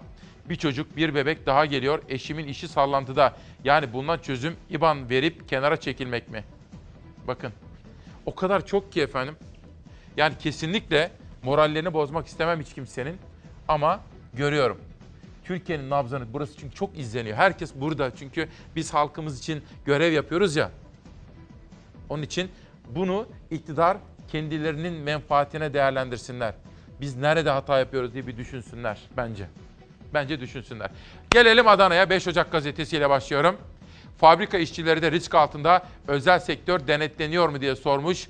Savaş çok duygulu ve arkadaşlarının yönettiği gazetede Sefa Saygıdeğer imzalı bir önemli manşet. İşçilerle ilgili önemli bir manşet. Anadolu'ya geçiyoruz. Ankara ücret isyanı özel yurtlarda kalan öğrencilerin durumu ne olacak diye soruyor. Kalmadıkları yurda para ödemek istemiyorlar. Anadolu'da Dersim'deyim. Özgür Dersim gazetesi pardon 1971'den bugünlere Dersim Haber gazetesi Mazgirt'te bir köy karantinaya alındı diye bir haber görüyorum. Ve sür manşeti çıktığım zaman iki otel sağlık çalışanlarına ücretsiz hizmet verecek diyor. Bakın hani geçen gün sizlere söylemiştim. Çok farklı gruplardan böyle haberler gelmişti. Bilgili Holding de bunu açıkladı. Koç Holding bunu açıkladı. Başka açıklayan varsa yani sağlık çalışanlarına ücretsiz olarak otellerinin kapısını açanlar varsa bizimle iletişime geçebilirler efendim. Örnek olmasını istiyorum. Halk diyeceğiz. Samsun. Samsun'u telaşlandıran o profesörle konuştuk. Samsun'da hamburgercide çalışan kişinin koronavirüsünü onlarca kişiye bulaştırdığını iddia eden Profesör Çetiner'le halk konuştu. Çetiner sosyal medyasından zorunlu açıklama yaptı. Sayfanın içerisinde doktora böyle saldırmış şeklinde bir haber de var. Biliyorsunuz sağlıkta şiddet, Samsun'daki bu habere ilişkin detayları da biz Çalar Saat'te aktarmıştık. Gazetede Çalar Saat'ten bir alıntıyı, evet evet bakın doktora dayak Çalar Saat'te diyor. Samsun'da meydana gelen tasvip etmediğimiz bu olaya ilişkinde haber. Oradan Kütahya Express koronavirüs mücadelesi bitene kadar eğer mecbur değilsen hastaneye gitme şeklinde Kütahya Sağlık Bilimleri Üniversitesi Rektör Yardımcısı Duygu Perçin'den bir röportaj gelmiş. Hemen yanında Gediz'de koronavirüs vakası çıkmış. 46 hane karantinada diye bir haber var efendim. Fırat Gazetesi Elazığ'dayım. Az kaldı Türkiye'm sabır gakkom diyor. Elazığlıları kutlamak isterim. Sokağa çıkma yasağına daha doğrusu yasak ilan edilmedi uyarılarına riayet etmişler. Kübra Türkan da bu konuda özel bir haber ve bolca fotoğraf derleyip toparlamış. Hürriyet gazetesi Ege, Ege Hürriyet bu da örnek olsun. Otizmli çocuklar için Ege Özel Çocuklar Vakfı uzaktan eğitim çalışması başlattı. Siz de bu kampanyaya destek verin, gönüllü olun. Rabia Tekince bir iş insanı. Otizmli çocuklar için Ege Özel Çocuklar Vakfı'nı kurdu bugüne kadar binlerce çocuğa umut oldu. Ailelere nefes aldırdı. Koronavirüs salgını nedeniyle okullar tatil edilince uzaktan eğitime geçildi. Tekince yine boş durmadı bir kampanya başlattı. Rabia Tekince bir iş insanı ve onun otizmli çocuğu da varmış. Fakat otizmli çocukların eğitimiyle ilgileniyor. Özel gereksinimli çocuklarımız da zorunlu tatil nedeniyle eğitimlerinden uzak kalmasınlar istiyor. Onlar da tıpkı akranları gibi online yani uzaktan eğitim alsınlar. Tüm çalışmaları online olarak yapabilmek için destek çağrımıza katılın. Ücretsiz bize ulaşın diyor efendim. Gönüllü öğretmenler arıyormuş. Peki tek kelime söyleyeceğim. Önce bir cümle söyleyeyim de. Bu salgının küresel çapta büyük bir salgın olduğunu, tehlikeli sonuçlara gebe olduğunu biliyoruz. Ama iyimserliğimizi koruyacağız. Yeter ki tedbirleri alalım. O tek kelimeye geldi şimdi. İyileşeceğiz. İyileşeceğiz. Bu da geldi, kabul. Ama bu da geçecek, mecbur. İyileşeceğiz. Sağlığımıza tekrar kavuşacağız.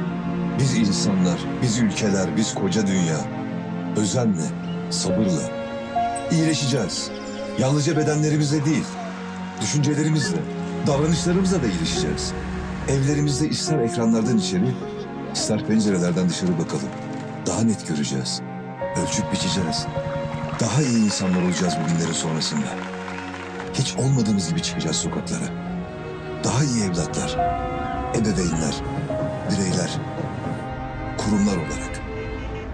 Daha sağduyulu, daha iyi kararlar alarak iyileşeceğiz. Şu an için yan yana gelemesek de herkesin yanımızda hissederek. Hepimizin aslında aynı mavilikte yaşadığını, aynı gezegenin çocukları olduğumuzu bilerek. Hep birlikte iyileşeceğiz. İyimser olmamız gerekiyor. Karşı karşıya kaldığımız tehlikenin büyüklüğünü fark edip, kabullenip ama tedbirler alıp iyimserliğimizi korumamız gerekiyor. Ve bir de evdesiniz bol bol kitap okuyun efendim lütfen. Alaaddin'e Haydar, Ankara'da Mustafa Kemal'in yanında bir savaş muhabirinin not defteri. Bu kitabı okuyup sizlere anlatılar yapacağım ve bu vesileyle Cumhuriyetimizin kurucusu, büyük önderimiz, rol modelimiz Gazi Mustafa Kemal Atatürk'ü sevgi ve saygıyla, şükran duygularıyla bir bu vesileyle bir kere daha analım efendim. Şenay Kaya, kutup bölgelerinde egemenlik mücadelesi ve ekonomik yatırım fırsatları diye bir kitap yazmış ve bana göndermiş. Sosyal medya. Adalet Bakanı Gül. Bugünden itibaren cezaevlerinde görev yapan personel belirlenen süreler sonunda evlerine gönderilmeyecek, izole edilen yerlerde kalacak. Bu da Adalet Bakanlığı'ndan gelen bir açıklama. Temel, zorunlu ve acil mal ve hizmet üreten işler dışındaki bütün işlerde salgın süresince çalışma durdurulsun. Disk Genel Başkanı Arzu Çerkezoğlu. Uyarıyoruz. Halkın sağlığını, çalışanların işini ve hanelerin gelirini korumak devletin görevidir. Kamucu bir sosyal ve ekonomik program zorunludur. Covid-19'a karşı acilen bir sosyal devlet programı uygulanmalıdır diyor. Kemal Öztürk hükümetin koronavirüs ile başarılı mücadelesine zarar veren altı şey. Bakın o da aslında içeriden iktidara çok yakın bir isim. Diyor ki hatalar yapıldı. Başarılı gidiyordu. Bir, eksik ekonomik paket. İki, Kanal İstanbul ihalesi. Üç, külliyede cuma namazı. Hani VIP cuma namazı diye tanımladık ya. Anlayamadık hiçbirimiz. Şaşırdık, kızdık, öfkelendik. Dört, tır şoförüne gözaltı. 5. Haksız test kiti alanlar 6. Trollerin siyasi manipülasyonları. Buradaki dördüncü madde ki bakın bu iktidar zamanında Erdoğan'ın basın danışmanlığını yapmış bir isim söylüyor bunu. Bülent Arıç'ın basın danışmanlığını yapmış bir isim söylüyor. Bu iktidar zamanında Anadolu Ajansı'nın genel müdürlüğünü yapmış bir isim söylüyor. Tır şoförüne gözaltı. Diyor ki bu ve benzeri yanlış uygulamalar iktidara büyük zarar veriyor diyor. Şimdi diyorsunuz ya evde kal Türkiye. Nasıl kalalım baba? Emekli değilim, memur değilim, zengin değilim. Ha senin lafınla evde kalarak açlıktan ölmüşüm, ha da virüsten ölmüşüm. Gariban olup olmadığına, arkasında bir niyeti olup olmadığına ben bakarım. Evde kal çağrısına neden uyamadığını hayatın maddi gerçekleriyle anlatmıştı tır şoförü Malik Baran Yılmaz. Bu videoyu sosyal medyada paylaştıktan sonra gözaltına alındı. İçişleri Bakanı Süleyman Soylu'nun tır şoförüyle ilgili sözlerine ise muhalefetten tepki yükseldi. İşçiyim ben, tır şoförüyüm. Çalışmasam ekmek yok. Elektriğimi, suyumu, kirayı ödeyemem. Milletimizi tahrik edecek ve sürekli olarak hem devletin yaptıklarını hem milletin evde gösterdiği sabra, tahammüle, e, bu birlikteliğe sıkıntı düşürebilecek bir paylaşım yapmanın veya e, bu şekilde meseleyi karıştırmanın e, bir anlamı olduğunu ben şahsen düşünmüyorum. Canı burnunda, ekmeğinin peşine düşmüş sıradan insanların paylaşımları milleti tahrik etmez. Milleti vatandaşın canı burnundayken yandaşın cebini doldurmak için yapılan maskeli Kanal İstanbul ihaleleri tahrik eder. E, herkes zorluk çekiyor, herkes evde. Bir sosyal devletiz biz. Kimseyi aç ve açıkta bırakmayız. Bugüne, bugüne kadar da bırakmadık. Millete cumayı kılma dedikten sonra saray camiinde saray elitleriyle VIP namaz kıldırmak tahrik eder. Emekçilerimizi bırakın, asıl bu odaklarla ilgilenin. Bizi bu duruma getirmeden önce bizim için bir önlem alın. Biz de kendi hayatımız için bir önlem alalım. Yani ha senin lafınla evde kalarak açlıktan ölmüşüm, ha da virüsten ölmüşüm. Ama beni bu virüs öldürmez. Beni senin bu düzenin öldürür. Bu böyle biline. Hataylı tır şoförü Malik Baran Yılmaz neden evde kalamadığını bu videoyla anlatmıştı. Paylaşımı hızla yayılınca gözaltı kararı verildi. İfadesi alındı. Adli kontrol şartıyla serbest kaldı. İlk açıklaması söylediklerimin arkasındayım oldu. Henüz evime gidip çocuklarımla görüşemedim. Arabada yatıyorum. Ben bir yurttaş olarak görevimi yaptığıma inanıyorum. Olmayan bir durumu söylemedim. Gariban olup olmadığına, arkasında bir niyeti olup olmadığına ben bakarım. Gözaltı sebebini böyle açıkladı İçişleri Bakanı Süleyman Soylu. CHP'nin yanı sıra Gelecek Partisi'nden de tepki geldi. Ahmet Davutoğlu uyarıda bulundu. Bir tır şoförü evde kal diyorsunuz ama eve götürecek ekmeğim yok dediği için gözaltına alındı. Bunun toplumsal kesimlerde uyandıracağı psikolojik etkiyi tahmin etmek zor değil. Efendim bir misafirimiz var. Demokrasi Meydanı'na davet ettim ve bizi kırmadı. Çünkü anlatmak istedikleri vardı. Benim de sormak istediklerim vardı. Meral Akşener evet. İsmail Küçükkaya ile Demokrasi Meydanı'na Meral Akşener geldi. Bir kadın siyasi parti lideri. Kendisine koronavirüsle ilgili sormak istediğim pek çok soru var. Bu arada bugün 31 Mart ya yarın Nisan 31 Mart'ta doğum gününü kutlayanlar var. Neslişah Helvacı. O da çok güçlü bir annenin Nesrin Yamaç'ın kızı. Neslişah bugün 22 yaşına giriyor efendim. Ona ve onun şahsında bugün doğum günü kutlayan bütün arkadaşlarımıza kutlamalarımızı, sağlık ve esenlik mesajlarımızı aktarmak isterim. Yaşam Koçum Doktor Yusuf Coşkun'dan imzalı olarak gelen bir kitap. Ve Yalçın Çakmak'tan da Sultan'ın Kızılbaşları 2. Abdülhamit dönemi Alevi algısı ve siyaseti isimli kitabını da bana yollamış iletişim yayınlarına. Bu kitabı da Çalar Saat kitaplığına ayırıyorum. Ve Amerika'nın sesi Gazeteciler Cemiyeti Gazeteciler infaz paketi kapsamına alınmalı. Şu anda hala görüşmeleri de devam ediyor biliyorsunuz infaz sisteminin öyle ya da böyle yakında çıkması bekleniyor. Bir sonraki mesaj evde kal diyor ve Hüseyin Yayman'la da dün konuştum AK Partili'den bir isim. O da 3 aylık maaşımı bağışladım dedi. Sonra aradım kendisine. Hatta kendisiyle bir çevre konusuyla ilgili olarak da görüşmelerimiz sürüyor. Bir göl var. Bir gölü kurtarmak için çalışıyor. Şimdi Hüseyin Yayman'a da duyarlılıkları için teşekkür ediyorum. 3 aylık maaşını bağışlamış. Bravo Hüseyin Yayman'a. Çahan Kızıl, sokağa çıkma yasağın olmadığı bir gün daha bunun salgının yayılmasını artıracağı kesin diyor. İzzet Çaba'dan bakın bu da bence dikkate alınması gereken bir durum. İçişleri Bakanlığı seyahat izin belgesi almak isteyenler otogarlarda kuyruklar oluşturdu. Sosyal mesafe kuralı hiçe sayıldı. Bir, bir risk unsuru aslında. Uğur Dündar, Kızılay nerede? Kızılay niçin ortalıkta yok diye soranlara. Kızılay 152 yaşında olduğu için bu kurumu yönetenler 65 yaş ve üzerindekiler için konulan sokağa çıkma yasağına uyuyor olmalılar. Ünlem. Kızılay'a bir esaslı eleştiri. Aslı Aydın Taşbaş, insanların günlük geçim sıkıntısına çare bulmadıkça sokağa çıkma yasağı çağrılarını anlamlı bulmuyorum. Nasıl çıkmasınlar? Hükümet tüm vatandaşlara ödenek çıkarabilir mi? Ya da Odalar Birliği, TÜSİAD, MÜSİAD ve işçi çıkarmama, maaş ödeme garantisi verebilir mi? Önce bunları konuşalım diyor, doğru söylüyor. Sahilde yürüyenlere 1000 lira ceza kesildi. Bir gün gazetesinden çarpıcı bir haber ve bir fotoğraf. Sahilde yürüyenlere 1000 lira ceza. Bir fotoğraf gelecek. Efendim şöyle, bizim genel müdürümüz en başta daha bu virüs ortaya çıktığı zaman Fox Haber'in dışındakileri eve yolladı. Home office yapacaksınız dedi Cenk Bey. Bunun dışında bir sürü tedbirler alındı. İçeriye giren herkesin ateşinin ölçülmesinden tutun, filtrelerin sürekli değişmesine kadar. Sonra Fox Haber'in başındaki gelen yönetmenimiz Doğan Şentürk bir karar verdi. Fox Haber'i de ikiye bölüyoruz dedi. Dönüşümlü çalışacak dedi. Biz Çalar Saat ailesi olarak da dört arkadaşım bakın bir fotoğraf Sabah izinlerini aldım. Dedim ki fotoğraf çekiyoruz. Tabii sosyal mesafeye çok dikkat ediyoruz. Ezgi Gözeger, Beyza Gözeyik, Zafer Söken ve Zeray Kınacı haber masamız. Biz dört arkadaş haber yapıyoruz. Ben varım. Bunun dışında Savaş Yıldız ve Serdar Erdoğan yönetmen koltuğunda dönüşümlü. Onun dışında rejideki ekip arkadaşlarım, tek tek isimleri söyleyemeyeceğim ama programın sonunda hepsinin adı geçecek. Bunun dışında kameralarda her gün değişiyor. Ama tam burada işte Adanalı bir kardeşim var Yunus. Bu tarafta Mümin kardeşim var. Bu ekibin dışında bir de benim dışarıdan bana yardımcı olan Nihal Kemaloğlu var. Yayın öncesinde ve yayın sırasında o da bana beni asiste ederek yardımcı oluyor. Biz kurallara harfiyen uyuyoruz. Sizin sağlığınız için, kendimizin, konuklarımızın sağlığı için alınması gereken bütün tedbirlere uyuyoruz ki biz sizin asıl ihtiyacınız olan haber alma ihtiyacını da karşılayabilelim diyoruz.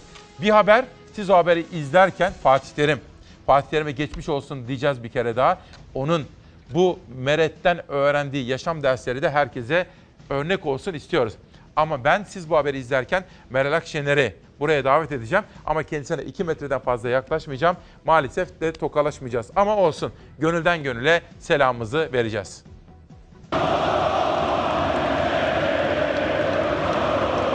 Sağlığımız söz konusu.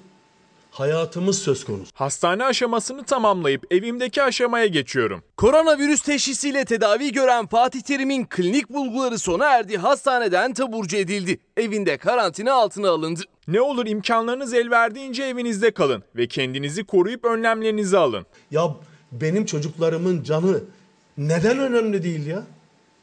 Çocuklarım derken futbolcularımı söylüyorum. Böyle bir şey olur mu? Ben bütün ben bunu kendi adıma konuşmuyorum. Bakın arkadaşlar. 23 Mart'ta Covid-19 testinin pozitif çıkması üzerine hastaneye kaldırıldı. Galatasaray Teknik Direktörü Fatih Terim bir hafta boyunca hastanede tedavisi sürdü. Tüm dünyanın geçtiği bir sınav bu. Kimimiz virüsle, kimimiz sabırla, kimimiz akıl ve izanla sınanıyoruz. Allah herkesin sınavını kalbine göre versin. Ben olmazsam oyun olmaz. Futbolcu olmazsa oyun yine olmaz. Hakem olmazsa bu maç idare edilemez. Tedavisi iyi giden ve hastalık belirtileri ortadan kalkan İmparator lakaplı usta teknik direktöre dün yeniden test yapıldı. Terim'in yeni test sonucu da pozitif çıktı. Ancak klinik bulguları sona erdiği için karantinasına evde devam etmesi istendi. Hastaneden taburcu edildi. Ben bu sınavdan çok şey öğrenerek çıkacağım. Daha çok kıymet bilecek. Karantina süreci sonrası aileme ve sevdiklerime daha çok vakit ayıracağım. Sağlığımız söz konusu. Hayatımız söz konusu. Hatta sizlerin. Bir tanemizden bir şey çıkarsa hepimiz karantinaya gideceğiz. Buradaki top toplayıcı çocuklar da. Hastane aşamasını tamamlayıp evimdeki aşamaya geçiyorum dedi Terim. 14 günlük karantina süresi başladı. Tecrübeli teknik adam tüm sağlık çalışanlarına teşekkür etti. Herkese de evden çıkmayın çağrısı yaptı. Dün olduğu gibi bugünden sonra da ettiğim her duada bu virüsle mücadele eden tüm savaşçılar ve hayatlarını hayatlarımız için adayan tüm sağlık emekçileri olacak. Herkese elim kalbimde şükranlarımı sunuyorum. Evet efendim panik yok, tedbir var. İsmail Küçükkaya ile Demokrasi Meydanı'nda Mart ayının son günündeyiz. Koronavirüs günlerinde halkımızın haber alma ihtiyacını karşılamaya çalışıyoruz. Ve bir genel başkan Meral Akşener, İyi Parti'nin lideri Demokrasi Meydanı'na katıldı. Ben de şöyle yaptım. Efendim hoş geldiniz. Sağ olun. Nasılsınız? Teşekkür ederim. Davetiniz için çok teşekkür Ben ederim. de bu davetimize icabet ettiğiniz için çok teşekkür ediyorum efendim. Sağ Burası olun. Demokrasi Meydanı. Sağ olun. Nasılsınız? Gerçekten bu korona günlerinde ne yapıyorsunuz? Ee, Biz normal, e, tabii hepimiz evlerimizdeyiz. Hı. Ee, örnek olmamız lazım ama onun dışında evimizde e, çalışmalarımızı e, gene eskisi gibi sürdürüyoruz. Sadece e, sokakta ben e, biliyorsunuz vatandaşlarımızla birlikte ilçe ilçe geziyordum. Evet. O alan e, şimdilik kapandı. hı.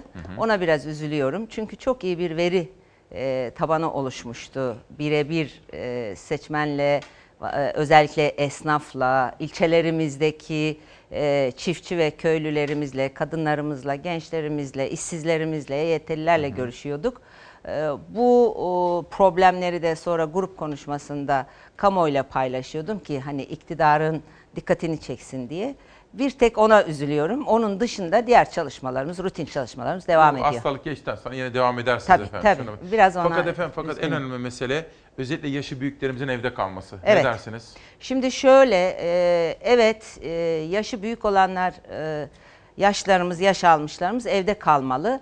Fakat bir yanlış anlaşılma oldu. Onlar taşıyıcı değil. E, gençler ağırlıklı olarak hafif geçirdiği için, belki semptomlarını hiç e, anlamadıkları için Hı taşıyıcı olan gençlerimiz e, yaşlara bulaştırmasınlar ki yaşlılarımız e, risk e, grubunda oluyor. O nedenle evde kalmaları lazım. Fakat orada bir kafa karışıklığı oldu.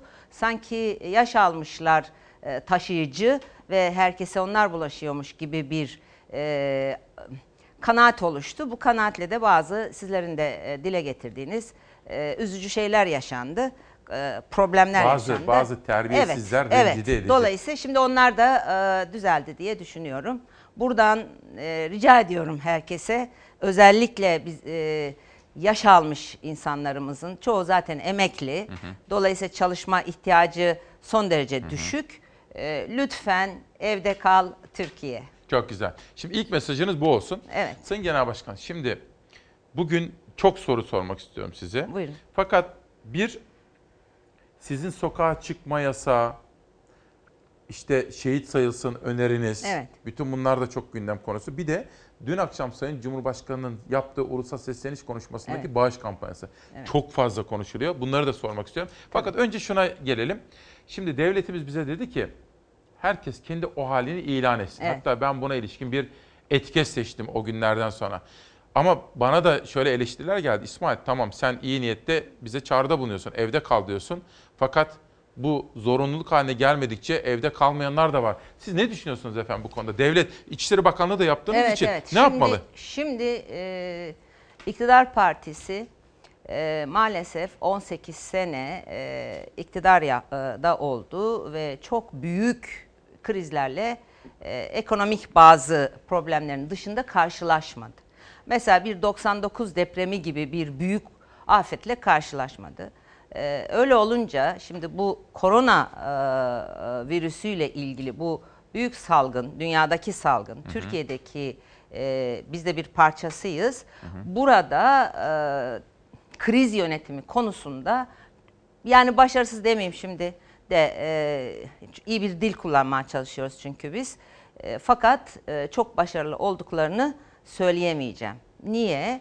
E, çünkü e, çok o, kutuplaştırma üzerinden giden, ayrıştırıcı bir dil üzerinden giden e, bir siyasi dile sahiptiler ve e, birlik, beraberlik üzerinden oy almak yerine e, işte sen şusun, ben buyum, o, ta rahmetli İnönü'nün dönemine kadar giden yalan yanlış bir sürü e, kutuplaştırmayla kolay bir şekilde oy aldılar.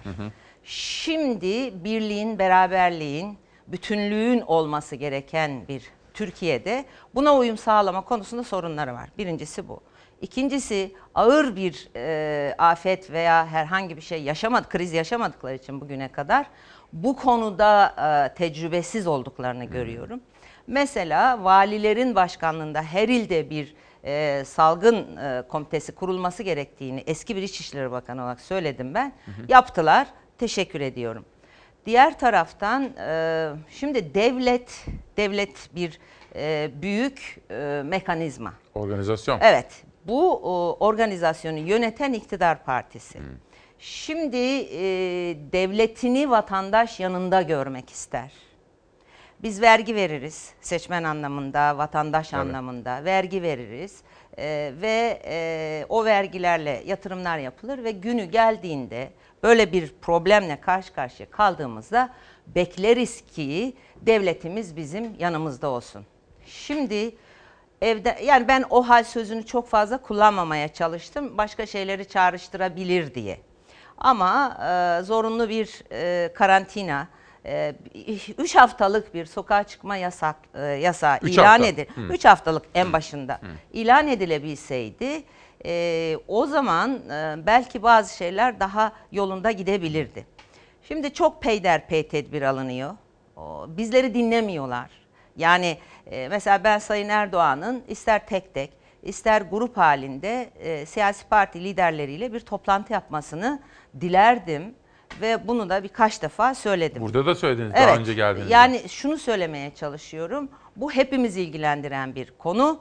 Çoluk, çocuk, yaşlı, genç hepimizi. Şimdi e, olağanüstü hal ya da zorunlu karantina dediğimiz konuyu, sokağa çıkma yasağı diye de söyleyebileceğimiz konuyu yapmayacaklar. O anlaşılıyor. Çünkü e, devlet bunu yani hükümet bunu ilan ettiği dakikadan itibaren işine gidemeyen insanın e, açta, aç kalmış, açıkta kalmış bütün e, milletin e, giderlerini ödemek zorundadır hukuki olarak. Dolayısıyla bu zorunluluktan kurtulmak amaçlı yapmayacaklarına artık kanaat ettim. Ki Soylu şunu söylüyor. Adım adım gidiyoruz. Eğer vatandaş riayet etmezse yaparız diyor. Şimdi yani Sayın Soylu, Sayın Koca Bunu istiyor olabilirler. Me- mesela e, Sayın Fahrettin Koca kendi ola- olağanüstü halinizi ilan edin dedi. O zaman devletin bir yükümlülüğü yok, hükümetin bir yükümlülüğü yok. Biz çıkmıyoruz. O zaman e, yani aç kaldık, yiyeceğimizi vermek zorunda değil. İşsiz E, kaldık. işsiz kaldık. Onunla ilgili bir tutum alması mümkün değil. Velhasılı kelam e, bence e, bu konuda e, ekonomik manada bir problemimiz var gibi görünüyor. Şimdi e, ihtiyat akçesi gitti. Bunlar onlar için kullanılır.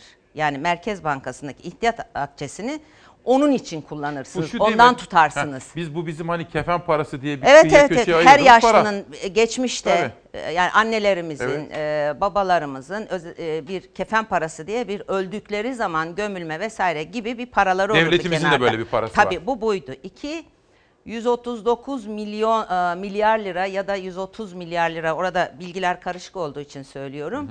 E, iş e, işsizlik fonuyla ilgili bir para var.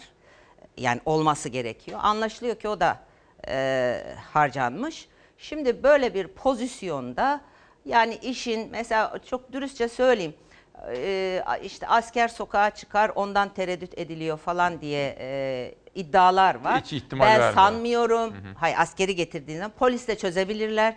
Polisin sayısıyla askerin sayısı neredeyse aynı hale döndü Türkiye'de. Dolayısıyla polise çözülebilir ama 3 haftalık bir karantina e, ekonomik maliyet olarak e, muhtemelen e, yani yenmiş içilmiş e, Şimdi- devletin paraları başka başka alanlara harcanmış. Onun için imtina ettiklerine inanıyorum. Şimdi efendim bana dün ben burada Ekrem İmamoğlu vardı ona da sordum. Evet izledim ben. Ben bunları söylediğim zaman en çok şu geliyor. Özellikle AK Partili değerli izleyenlerimden. İyi de İsmail tamam güzel yapsın devletimiz de kaynak mı var diye. Ben sizin bir videonuzu buldum. Evet. Yönetmenime söyledim. Savaş Savaş hazır mıyız? Peki Meral Akşener kaynak nerede diye soruyor. Kaynağa bakın nerede gösteriyor. Bu devlet güçlü bir devlettir. Bu millet dayanışmayı seven bir e, millettir, bir Hele büyük millettir. Dolayısıyla dayanışma konusunda en ufak bir problemi yoktur. Ama siz de bunu yapacaksınız. Bir başka şey, müşteri garantisi verilmiş yollar, havaalanları, efendim araba garantisi verilmiş yollar e, ve e, tünellerimiz var. Ya o şimdi aynı şekilde bu arkadaşlar şimdi yoldan geçiyor muyuz biz? Hayır geçmiyoruz. Herkes geçmiyor ama. Kimse geçmiyor. Ha şu sıra hele yani karantinada olduğumuzu varsayalım. Şimdi geçiliyor mu geçilmiyor mu? Peki o geçilmeyen arabalar için sizin ve benim bu kameraman kardeşimin cebinden çıkan vergiden oraya para ödeniyor. Hayır efendim biraz onlar çok kazandı. Birazcık onlar da fedakarlık yapsın. 3 ay bir ödeme yapılmaması gerekiyor oraya. Buradan- mücbir tabii mücbir sebeptir. Şimdi şöyle deniliyor. Ben bunu birkaç kişiyle konuştum. Arkadaşların cevabı şu. Karşı taraftan bahsediyorum. Ee, cevap şu. işte efendim e, yurt dışından kredi alınmış. E, peki ama o, o kredilerin içinde mücbir sebep e, kavramı vardır. Madde maddesi vardır. İşte depremdir, şudur, budur. Şimdi dünyanın mücbir sebebi Pandemi. e, evet bu salgın korona 19. Hadi bakalım bu arkadaşlar çok kazandı. Birazcık bunlar da hepimizin cebinden kazandılar. Hadi bakalım onlar birazcık fedakarlık etsin. 3 ay boyunca bunlara para ödenmesin. Yani e, yapılacak çok iş var ve bu bu ülke bu işi başarır. Yeter ki başarmaya karar verilsin. Şimdi siz bu açıklamayı aslında bir süre önce yaptınız. Daha bu kriz Evet, bu kadar evet, evet, derinleşmemişti. Evet. Şimdi şöyle yani hesap yapalım. 130 milyar TL şeyde var. İşsizlik fonunda olması gerekiyor. Varlık fonumuz var. Ne kadar vardır onu bilmiyoruz. Yani bilgimiz yok. E, şimdi 4 milyar dolara e, S-400'ler alındı. ihtiyacı vardır, alınmıştır. Bakın ben onlara niye alındı diye bir e, problemim yok. Ama 4 milyar dolar Türk parasına çevirdiğiniz zaman 25 milyar TL yapıyor 4 milyar doların karşılığı. E, 40 ile 50 milyar dolar arasında bir para e, harcandı 10 yılda Sayın e, Suriyeli sığınmacılara. Sayın Erdoğan demişti ki bir grup konuşmasında gerekirse 10 yıl daha bakarız bir 40 milyar dolar daha harcarız. Şimdi 40 milyar doları da Türk parasına çevirdiğinizde aşağı yukarı 250 milyar TL yapıyor. Şimdi böyle yani kaynağı yok değil Türkiye'nin. kaynak var. Var. Şimdi e, fakat çok üzgünüm e, İsmail Bey. Evet. Şimdi bir tane e, ben Sayın Erdoğan'ın ve damadının, damat bakanın bu o, salgın konusunda e, yani yeteri kadar bu işi anlamış olduklarını, ciddiyetini anlamış olduklarını düşünmüyorum. Mesela örnek vereyim. Şimdi bu istikrar paketi, kalk, istikrar, e, ekonomik istikrar kalkanı paketi açıklandı. 100 milyar liralık. E, 2 milyar lirası garip gureba dediğimiz ihtiyaç sahiplerine ayrıldı. Buna karşılık o paketin içinde uçak biletlerinde KDV indi. Daha ilginci de e, ev satın almak isteyenlerin e, şey indi. E, kredinin e, peşinat kısmı indi. Şimdi yani bütün bunun içerisinde işsiz genç e, yani dükkanı Esnaf esnaf- hiçbir e, satış yapamadan, siftah yapamadan dükkanını kapatan esnaf, e, kob, küçük e, ve orta boy işletmeler, kobiler vesaireler varken e, bir baktık şu meşhur 5 müteahhitin e, ciro yapması öne geçmiş. Yani koronanın, e, Covid-19'un tedbirleri içinde bu 5 müteahhitten ne, bunların ne işi var anlayamadık ve e, bu arkadaşlardan bunların cirosundan, ciro yapmasından vazgeçilememiş. İkincisi mecliste bir baktık e, Afrika Kalkınma Bankası'na Sayın Cumhurbaşkanı'na bir yetki verildi. 26 milyar Türk lirası para verilmek üzere. Bunu da koyun bir kenara. Şaşırdım kaldım. Üçüncüsü e, daha da ilginci e, şey yapıldı. E, Kanal İstanbul e, ihalesi yapıldı. İlk defa tarihte maskelerle e, müteahhitler e, Kanal İstanbul ihalesine girdiler. Dördüncüsü ise e, sosyal medyada yayınlandı. Sayın e, Cumhurbaşkanı'nın iletişim e, sistemi içinde yayınlandı. İşte e, bakanlarla konuşma yapıyor. Orada bor üzerinden bir dezenfektan. Sayın Erdoğan gözleri bu kadar oldu. Hemen bu çok dedi müthiş bir şey. Açığı kapatırız. Şimdi tırnak içi bu açık ne? De- dezenfektanla e, açık kapatmak üzere böyle bir proje olundu jet hızıyla ve e, halbuki ya buradan bir para kazanma öne geçti. Etti dört. Şimdi bunlar küçük şey gibi görünür ama çok büyük şeyler. Önceliklerinizi belirler Peki. sizin. Şimdi bir ara verelim. Ertuğrul Özkök deneyimli bir gazeteci diyor ki İsmail ilgiyle izliyoruz. Meral Hanım'ın böylesine zorlu bir dönemde yumuşak ve birleştirici yapıcı dili, salgını siyasallaştırmadan anlatması ve gerekirse eleştirilerini bu şekilde kullanması hepimize aslında umudun olduğunu gösteriyor diyor. Teşekkür ediyor. Ben efendim. teşekkür ederim. Savaş iki videomuz vardı. Onları bir alabilir misin? Panik yok, tedbir var diyoruz efendim. Bu sabah İsmail Küçükkaya ile Ama demokrasi... çok güzelmiş. Güzel değil mi efendim? Evet, çok Panik yok ama güzelmiş. tedbir var diyoruz. Şimdi Mansur Yavaş, sevgili Ankaralılar bu zor günler hepimize dayanışmayı öğütlüyor. Farklılıklarımızı bir kenara koyup kamu halk işbirliğiyle birbirimize tutunarak ayakta kalacağız. Bu günleri birlikte aşmak, Ankara'da kimsesiz, kimse bırakmamak için ekonomik destek paketimiz devrededir. Kısa bir videomuz vardı, izleyelim.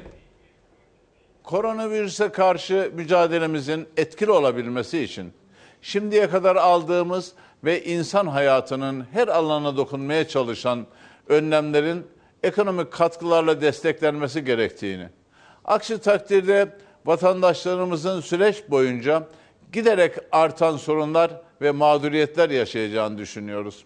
Bu süreçte işini veya gelir imkanlarını kaybetmek durumunda kalan berberden terziye, garsondan küçük esnafa, pazarcıya, taksiciye varıncaya kadar çok sayıda Ankaralı'nın ekonomik olarak da desteklenmesi gerekiyor. Hem Büyükşehir Belediye'mizin imkanlarını zorlayarak hem de Ankaralıların birbiriyle dayanışmasını teşvik ederek salgına karşı kapsamlı bir ekonomik mücadele vermeyi planladık. Şimdilik iki ayaktan oluşan bir ekonomik koruma paketini bugün itibariyle hayata geçiriyoruz. Hazırlıklarımızı 500 bin aileye düzenli yardım yapacak şekilde tamamladık.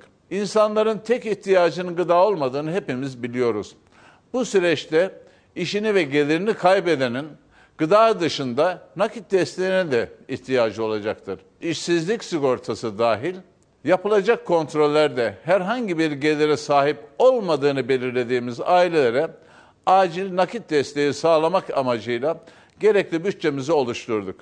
Gıda veya acil nakit desteğinden yararlanmak isteyen vatandaşlarımızın başkent mobil üzerinden direkt müracaat yapabilecekleri gibi gerekse Ankara Büyükşehir Belediyesi'nin web sayfasından da müracaatlarını yapabilecekler. Başkent 153 üzerinden de taleplerini aynı şekilde oluşturabilecekler.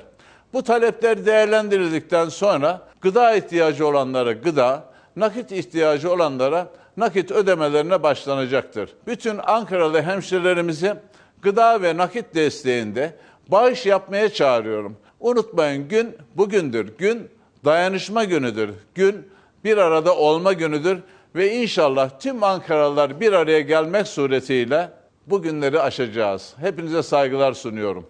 İyi Parti lideri Sayın Akşener'e bu konuyu soracağım ama bu arada Arzu Hanım sormuş. Efendim gerekli bütün tedbirleri alıyoruz. Sosyal mesafeye çok dikkat ediyoruz. Dün hatta ben Sayın Akşener'in danışmanı Murat İde arkadaşımla konuşurken Muratçım dedim kaç kişi geliyorsunuz? Birader dedi 3 kişi. Sayın Genel Başkanımızın dışında ben basın danışmanı olarak bir de dedi il başkanımız. Başka hiç kimse gelmiyor. Sosyal mesafeye dikkat ediyoruz. Hatta o kadar ki Murat İde'nin maskeli fotoğrafını çektim. Biraz sonra yayınlayacağım. Eldivenleri de vardı. Var eldivenleri de var. Efendim Sebahat Vardar Ecevit döneminin kıymetli bir e, Evet. milletvekili diyor ki bu kritik dönemde hükümetimizin Sayın Meral Akşener ve Sayın Arzu Çerkezoğlu gibi kadınların daha fazla dinlenmesi ve itibar edilmesi gerektiğini söylüyor Çok efendim bakın. ederim. Ne kadar güzel bir mesaj. Saygılarımı iletiyorum. Sağ olun. Bir de ismimi vermeden söylerseniz diyor bir bankacı kamu bankalarında çalışıyor. Meral Hanım'a iletir misin lütfen ismimi söylemeden. Kamu bankalarının çalışanlarının sağlığını hiçe sayarak bizleri çalıştırıyorlar. Çok fazla çalıştırıyorlar. Pazar günleri bile şubeleri açtık diyor efendim Halk Bankası'ndan birisi.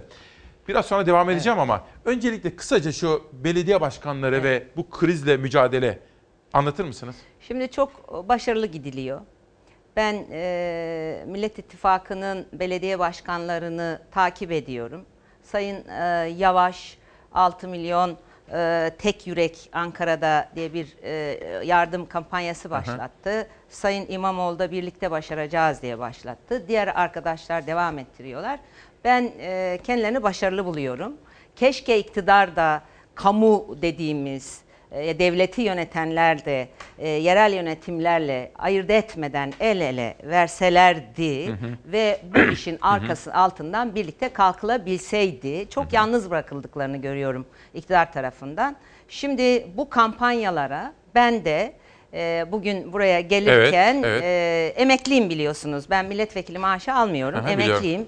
Emekliyim. 3 emekli maaşı, 3 aylık e, yani 3 emekli maaşımı e, Ankara'ya, 3 emekli maaşımı da İstanbul'a e, bağışladım. Aa, bu da manşet bak arkadaşlar. Evet. Bunu da manşet yani, olarak verelim. e, şey elimde.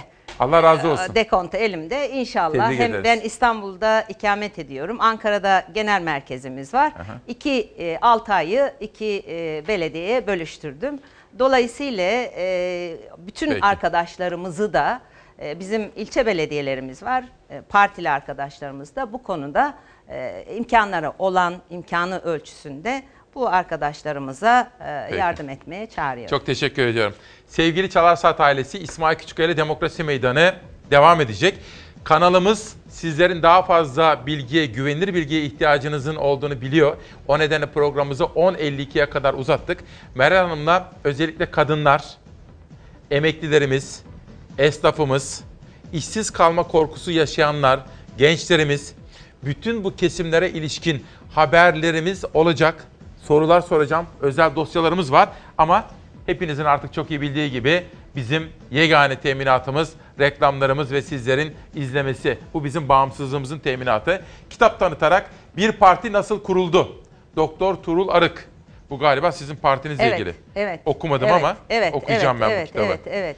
Çok teşekkür Belediye ediyorum. Meclisi arkadaşımız aynı zamanda. Ayşegül Banu Şahin, Can Parem Kanada'ya uçuyor isimli kitaplarını da yollamışlar. Efendim kısa bir reklam arasına gidiyoruz.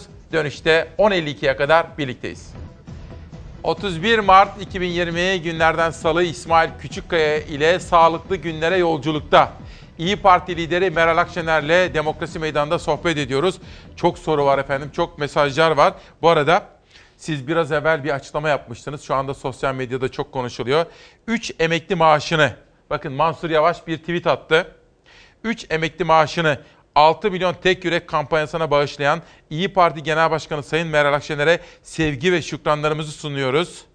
Meral Akşener bu süreci dayanışma içinde birlikte aşacağız. Mansur Yavaş size teşekkür ediyor efendim. Ben teşekkür ederim. Eksik olmayın. Çok sorularımız var. Şimdi 3 gazete manşeti gelecek peş peşe. Panik yok, tedbir var dediğimiz bu sabahta. Sözcü gazetesinden bir manşeti okuyacağım sizlere. Lanet olsun böyle siyasete.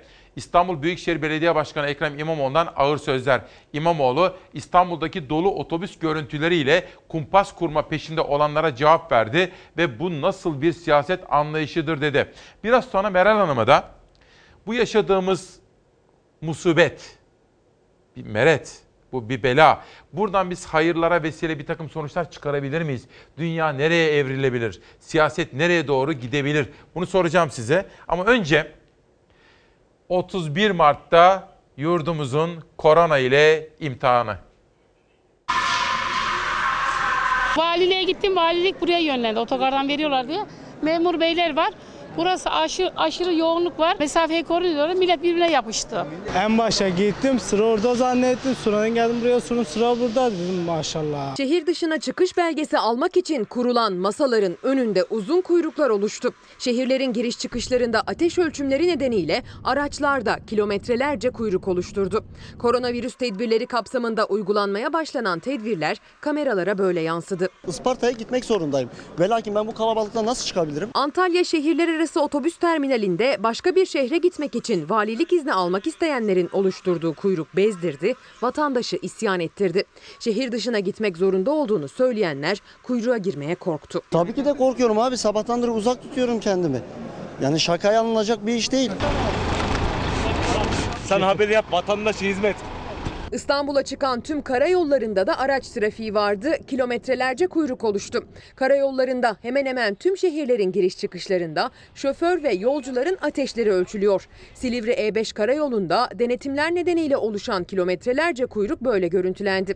Edirne'den çıkışta da benzer bir yoğunluk vardı. Sağlık çalışanları koronavirüsün en yaygın belirtisi olan yüksek ateşi kontrol ediyor. Varsa koronavirüs hastalarını tespit edip yayılmanın önüne geçmek için. Ancak tüm bu tedbirlere rağmen izolasyon kurallarını hiçe sayanlar da var. Ankara'da karısında koronavirüs tespit edilen Mevlüt Y'ye de test yapıldı. Test negatif çıktı ancak Mevlüt Y'den kendisini yine de izole etmesi istendi. Bu konuda bir taahhütname imzalatıldı. İmzaladığı taahhütnameye uymayarak kendisini izole etmediğinin ihbarını alan polis ve sağlık ekipleri harekete geçti. Gece saatlerinde Mevlüt Y polis zoruyla hastanede karantina altına alındı.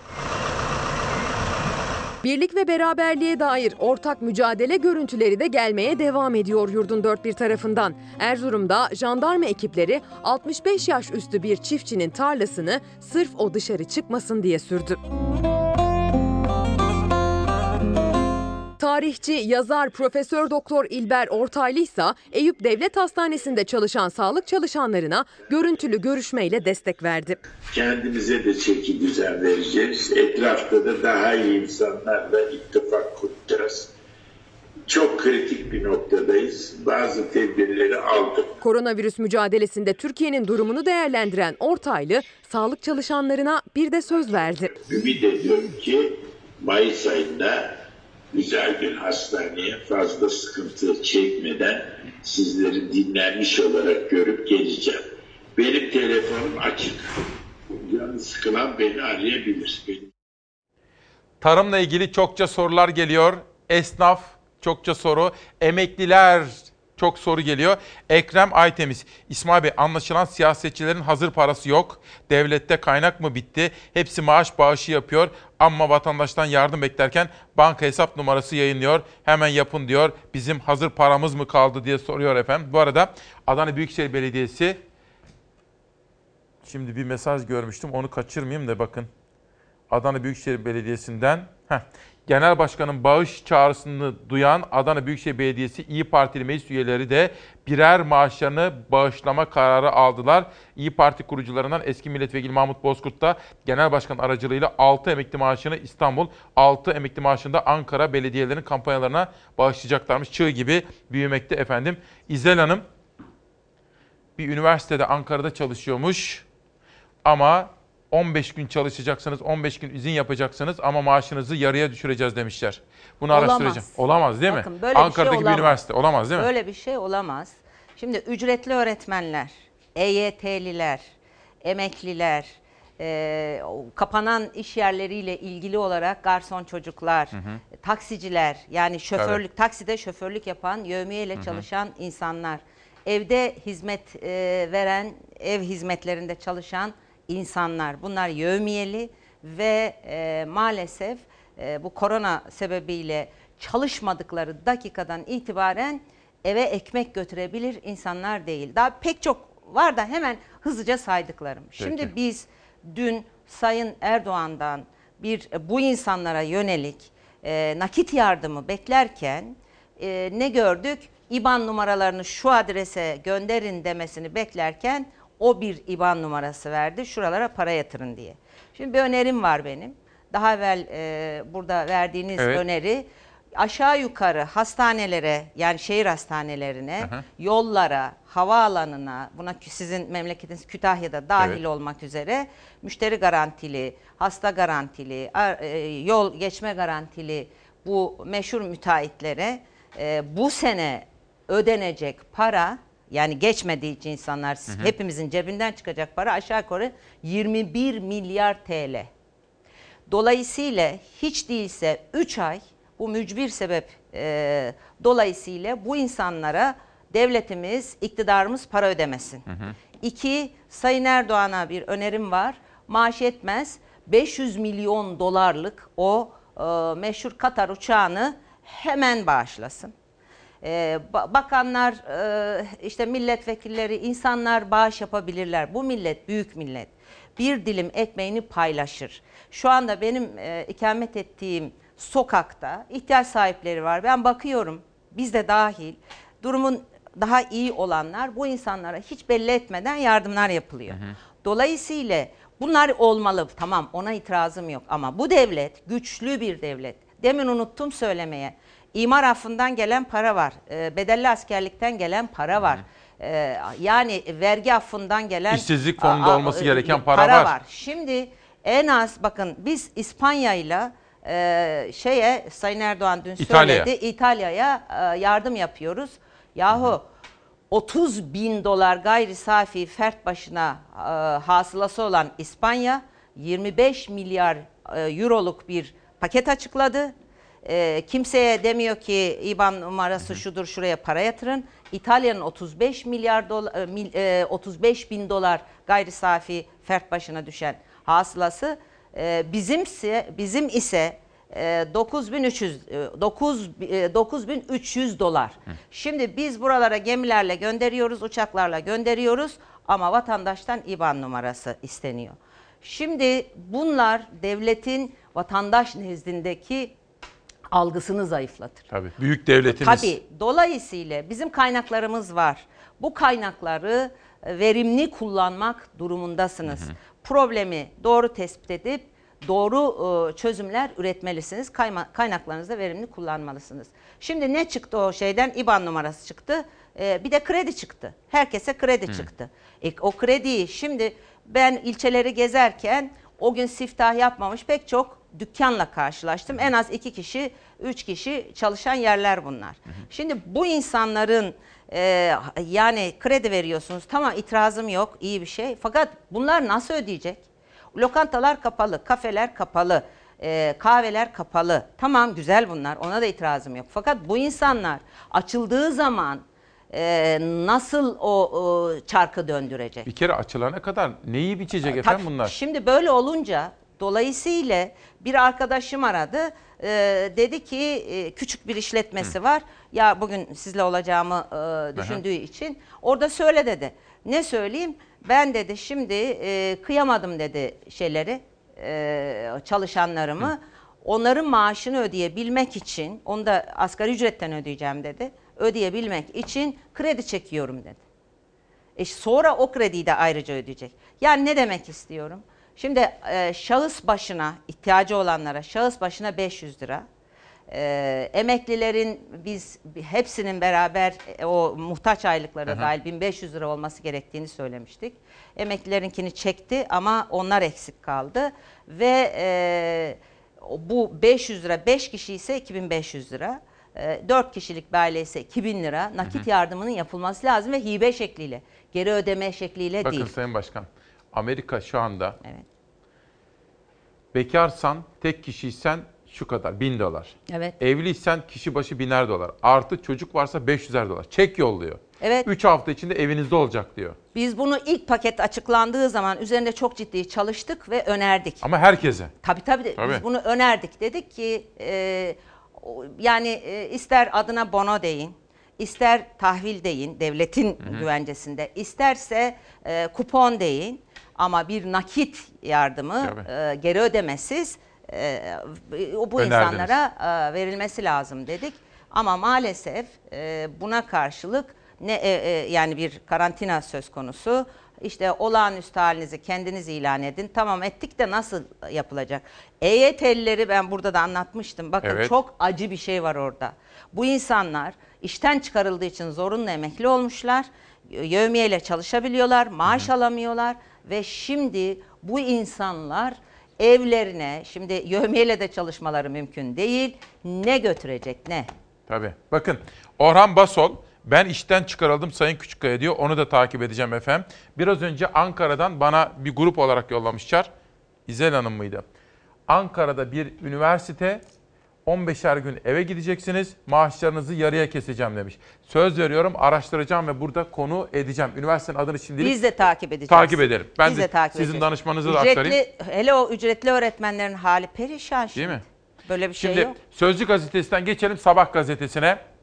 Sabah gazetesinden bir manşet geliyor. Düşük gelirliye 10 bin lira kredi. Hazine ve Maliye Bakanı Berat Albayrak ekonomik istikrar kalkanı kapsamında 3 kamu bankamız aracılığıyla vatandaşımıza temel ihtiyaç desteği hamlesini başlattık dedi. Hane geliri 5 bin liranın altında olan vatandaşlar 10 bin liraya kadar 6 ay ödemesiz, 36 ay vadeli 376 lira aylık ödemeli kredi alabilecek başvurular yarın başlıyor dedi Sabah gazetesi. İşte kredi bol bol kredi çıktı.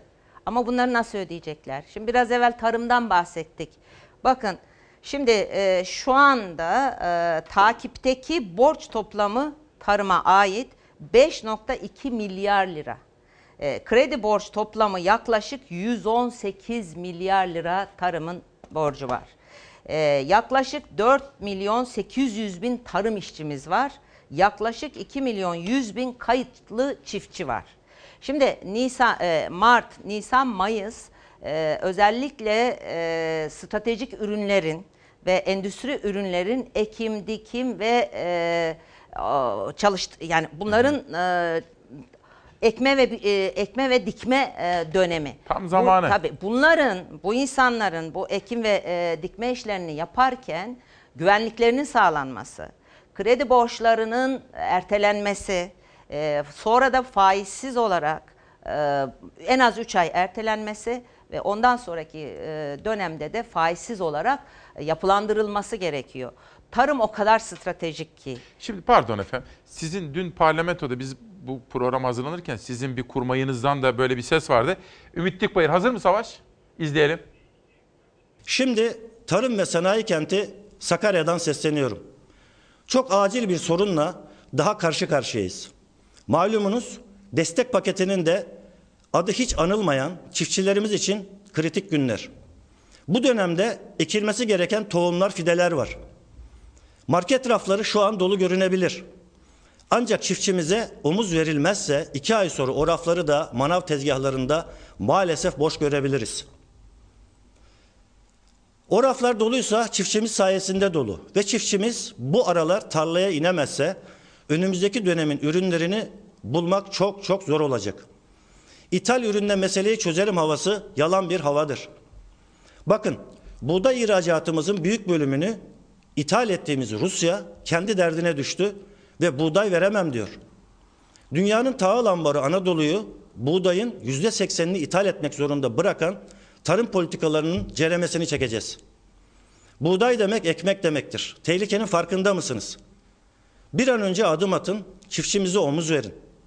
Yoksa evde kalmak zorunda kalan milletimiz Üstüne Allah korusun bir de bu felaketle baş başa kalacak. Bugün tıbbi bir mücadele içindeyiz. Yarın gıda sorunu yaşamamak için vakit kaybetmeden işçimize omuz verip tarlaları sürdürmeli, tarımsal mücadeleyi başlatmalıyız. Bu çerçevede Ziraat Bankası çiftçilerimizin borçlarını bir yıl süreyle ertelemelidir. Ve tarım kredi kooperatifleri üzerinden çiftçilerimize uzun vadeli ve hatta faizsiz kredi imkanı sağlamalıdır. Unutmayalım ki bir süre sonra en önemli gücümüz tarlalarımız ve çiftçilerimiz olacaktır.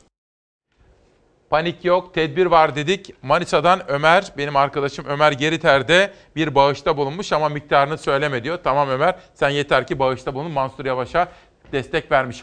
İzmir gazetesi kıtlık kapıda manşetiyle çıkmış bu sabah. İzmir Tarım Grubu gerekli önlemler alınmadığı takdirde salgın sürecinin büyük bir gıda krizine de yol açabileceği uyarısında bulundu diyor. Geçelim Karadeniz'e. Fındık hasadını kim nasıl yapacak? Koronavirüsü salgını üreticiyi düşündürüyor diyor ve burada da bir manşet. Siz efendim buraya geldiniz her zaman. en çok üzerinde durduğunuz konulardan biri tarım oluyor. Tarımdı çünkü gıda. Gıda. Ee, şimdi bakın biraz evvel bir e, kapanmadan evvel reklama gitmeden evvel bir şey söylediniz. Dediniz ki bundan sonra dünya nereye evrilecek? Evet. Şimdi dünya bakın kendi doğal olarak bir süre kendi içine dönecek. Ekonomide dünya çapında resesyon bekleniyor. Ekonomide e, Çin dahil yüzde onluk bir daralma bekleniyor. Dünyada bekleniyor ve burada en stratejik e, alan gıdaya erişim olacak. E, Dolayısıyla gıda güvenliği ve e, gıdanın e, üretilmesi birinci öncelik olacak. Şimdi biz mesela şu soruyu sormak istiyorum ben. Bizim buğday stoğumuz var mıdır? Bugüne kadar ağırlıklı ithal yapıyorduk. Şimdi Rusya işte Ümit e, Dikbayır'ın da söylediği gibi Rusya satmadı bize. Mercimek e, Kanada'dan geliyor. Nohut bilmem nereden geliyor. Kuru soğan, saman ithal ettik biz. Şimdi dolayısıyla behemehal ve hemen şimdi tarıma yönelik üretim e, merkezli bir e, ekonomik e, üretim programı yapılması lazım. Demin söyledim. İnsanlar borçlu. Bu borçların ötelenmesi artı e, sıfır e, faizle yeniden yapılanması lazım. Bir başka konu daha var. Şimdi silah şirketleriyle ilaç şirketleri e, dikkat ederseniz hepsi global, hepsi küresel. Fakat bu küresel e, salgına yönelik ellerini kıpırdatmıyorlar. Şimdi e, ulusal anla, uluslararası anlamda belki bundan sonra e, Birleşmiş Milletler'in yeniden e, yani yeni paradigmalara göre tanzimi gerekecek. Yeniden nerelere dikkat edilmesi gerektiğini, bir iklim krizi diye bir meselemiz tabii. var. Dünyanın her tarafında gıda ile ilgili sorunumuz var. Şimdi böyle bir sistemde bir taraftan küresel e, uluslararası organizasyonlar değişirken e, milletler de ulus devleti, milli devleti keşfedecekler. Dolayısıyla birinci öncelik kendi kendine yetme olacak. E, dola, e, bunun birinci önceliği de Gıda. tarım olması gerekiyor, gıda olması gerekiyor. Peki. Çok teşekkür ederim. Sabah gazetesinde Berat Albayrak'la ilgili paket açıklaması vardı. Geçelim Yeni Çağ'a. Yeni Çağ'da iki manşet dikkatlerimizi çekiyor. Tehlikenin %60'ı İstanbul'da. İmamoğlu kent nüfusunun %15'i dışarı çıksa 2,5 milyon kişi eder. İstanbul için sokağa çıkma yasağı ilan edilebilir. Bunu açıkladınız siz aslında değil Evet. mi? Siz evet, burada evet, evet. Yap- yapmayacaklar gibi görünüyor. Yapmayacak- ekonomik- İnşallah Sayın Erdoğan'ın bir e, inatlaşma e, yönü vardır. Benimle inatlaşsın ve yapsın. Peki. Geçelim bir manşet daha. Şimdi bu da dikkat çekici. Sizden geldi bu çağrı. Şehit Evet. önergesi mecliste Genel Başkan Akşener'in korona ile mücadelede hayatını kaybeden sağlıkçı şehit sayısının önerisiyle ilgili İyi Parti'nin kanun teklifi parlamentoya sunuldu diyor. Bu konuda özellikle tabii efendim sağlıkçılarımıza çok Evet. minnettarız. Onlar Evet. biz dikkat ediyoruz. Bakın ben size yaklaşamıyorum Evet, hiç. ben de öyle. Reklam arasında bile siz Evet. çünkü korumamız gerekiyor. Fakat sağlıkçılar cephenin en ön safında savaşıyorlar. Yoğun bakım hemşire sayımızın yeterli olmadığını belirtmek zorundayım. Paramedikler atanmasa bile gönüllü olarak görev yapmaya hazırdır. Hastanelerin en riskli bölümünde görev yapıyor yoğun bakım hemşireleri. Koronavirüs hastalarının yanından bir an olsun ayrılmıyorlar. Üstelik bazı hastanelerde hemşire başına düşen hasta sayısı da çok fazla. Onlar malzeme eksikliğinden yakınırken hemşirelerin işini biraz olsun rahatlatabilecek olan paramedik yani ilk ve acil yardım teknikerleri atama bekliyor. Covid-19'da en önemli olgulardan biri o hastaya yapılacak solunum desteğidir. Paramedikler transport ventilatörlerini, hastaların uyutulmasını ve solunumlarının bir makine yardımı ile solutulmasını sağlarken hekim dışı sağlık personeli grubu arasında ilaç uygulama yetkisine sahip tek meslek mensubudur paramedikler. İşte onlar için tam da görev zamanı ama 80 bin diplomalı paramedik evlerinde atanacakları günü bekliyor. Açılan kontenjansa 251 kişiyle sınırlı. Özellikle dünyanın şu pandemi mücadelesinde paramedikler çok üst seviyede bir rol üstlenmektedir. Ülkemizde ise paramedikler mezun bir şekilde görev beklerken 112 acillere sağlık meslek liselerinden mezun ve hala hazırda birçok farklı alanda çalışan acil tıp teknisyenleri alınmıştır. Bu acil tıp teknisyenlerinin ehliyetleri yoktur. Atananlar yani hali hazırda çalışanlarsa büyük yük altında. Hemşireler canlarını dişlerine takıp durdurak bilmeden hayat kurtarmaya çabalıyor. Malzeme eksikliklerinin yanı sıra 24 saat nöbet sistemi de onları çok zorluyor. Bilim kurulunda hızlıca bir hemşire temsilcisi yer almalıdır. Kişisel koruyucu ekipmanların hızlıca talepleri yapılmalı ve bu talepler yerine getirilmelidir. Yoğun bakımlarda 24 saat nöbetlere hızla son verilmelidir.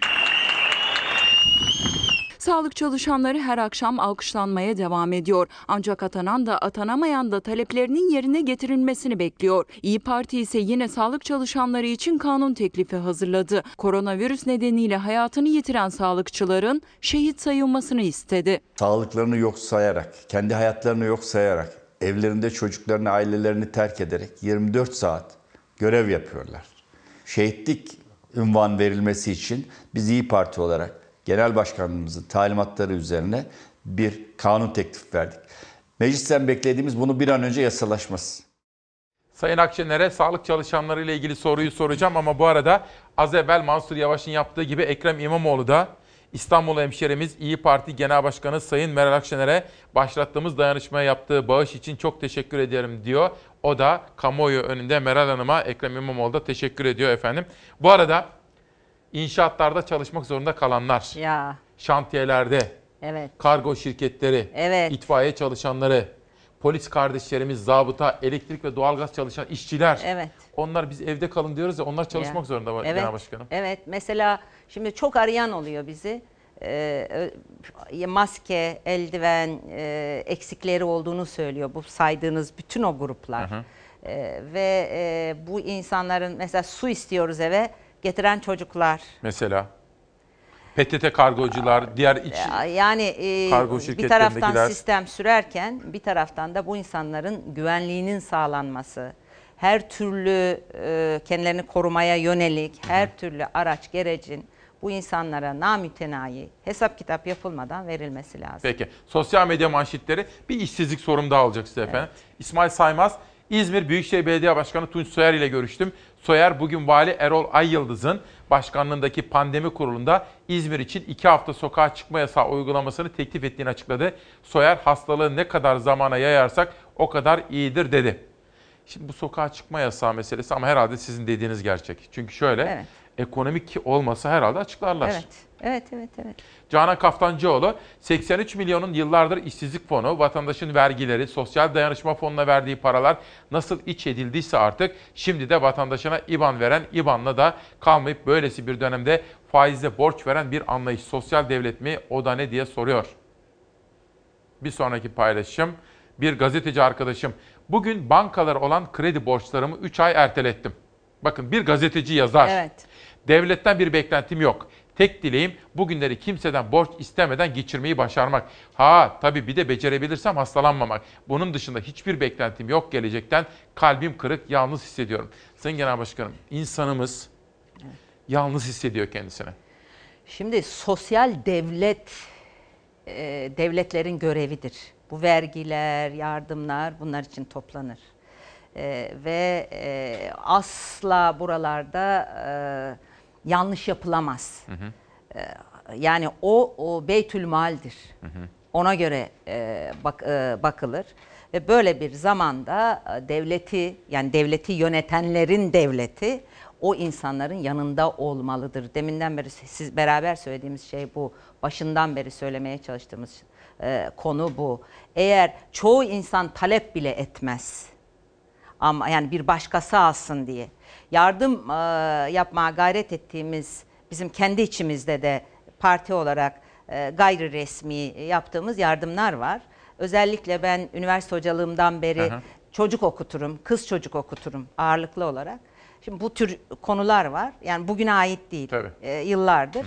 Mesela yeni bir burs bulduğu zaman o çocuk bizi arar. Der ki ben buldum bir başkasına verin. Tabii. Türkiye bu. Türk milleti bu. Dolayısıyla oralarda asla şey olmaz. E, suistimal olmaz. Ama bu yalnızlık en önemlisi bu. Kendini böyle hissetmek. Kalbim Ee, kırık diyor. Evet. Şimdi mesela ilçeleri gezerken Bursa'da e, bir şey yaşamıştım genç çocuklarla ilgili. Demiştiler ki e, fakir bursu genellikle AK Parti bünyesinden bir e, yöneticilerinden bir evrak getirmeden, bir kağıt getirmeden verilmiyor. Şimdi bu doğru olur olmaz o önemli değil. Algı. Ama buna inanıyorsa o çocuk bu ülkeye yönelik her türlü aidiyeti, umudu, gelecek heyecanı kaybolur gider ve asıl beka sorunu budur. Rahşan Hanım'ın yazdığı kalbim kırık işte bu bir beka sorunudur. Tabii. Peki. Buna çok dikkat etmemiz gerekiyor. Şimdi efendim böylesine zamanlarda işsiz olanlarımızı, işsizlerimizi daha çok düşünmeli, daha çok hatırlamalıyız. Devlet okulunda aşçıydım. Okul aile birliği tarafından maaşım ödeniyordu. Malum durumdan dolayı ayın 16'sından beri işsiz kaldım. Pazar izinliydik. Cumartesi normal çalıştık.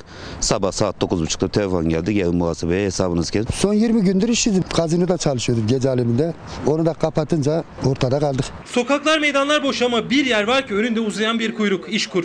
Farklı meslekler, farklı hikayeler, ortak noktaları korona salgınıyla geçici olarak kapanan iş yerlerinde çalışmaları ve bugün işsiz kalmaları. Kimi bir gündür, kimi birkaç haftadır işsiz. Temizlik işçisiydim. Ayın 20'sinden beri boşum. Salgına karşı uyarı net evde kal ama dışarı çıkmaya mecbur olanlar da var. Onlar salgın yüzünden işlerini kaybedenler. Hepsi yeni bir iş umuduyla işkur önündeler. Gıda sektöründe çalışıyoruz. Motorlu e, kuryeyim. İşlerin düştüğünden dolayı bu virüs muhabbetinden dolayı işten çıkarıldım. Korona önlemleri kapsamında on binlerce iş yeri geçici olarak kapatıldı. Esnaf kepen kapatırken, geliri azalırken çalışanlarını ücretsiz izne çıkardı ya da işten çıkardı.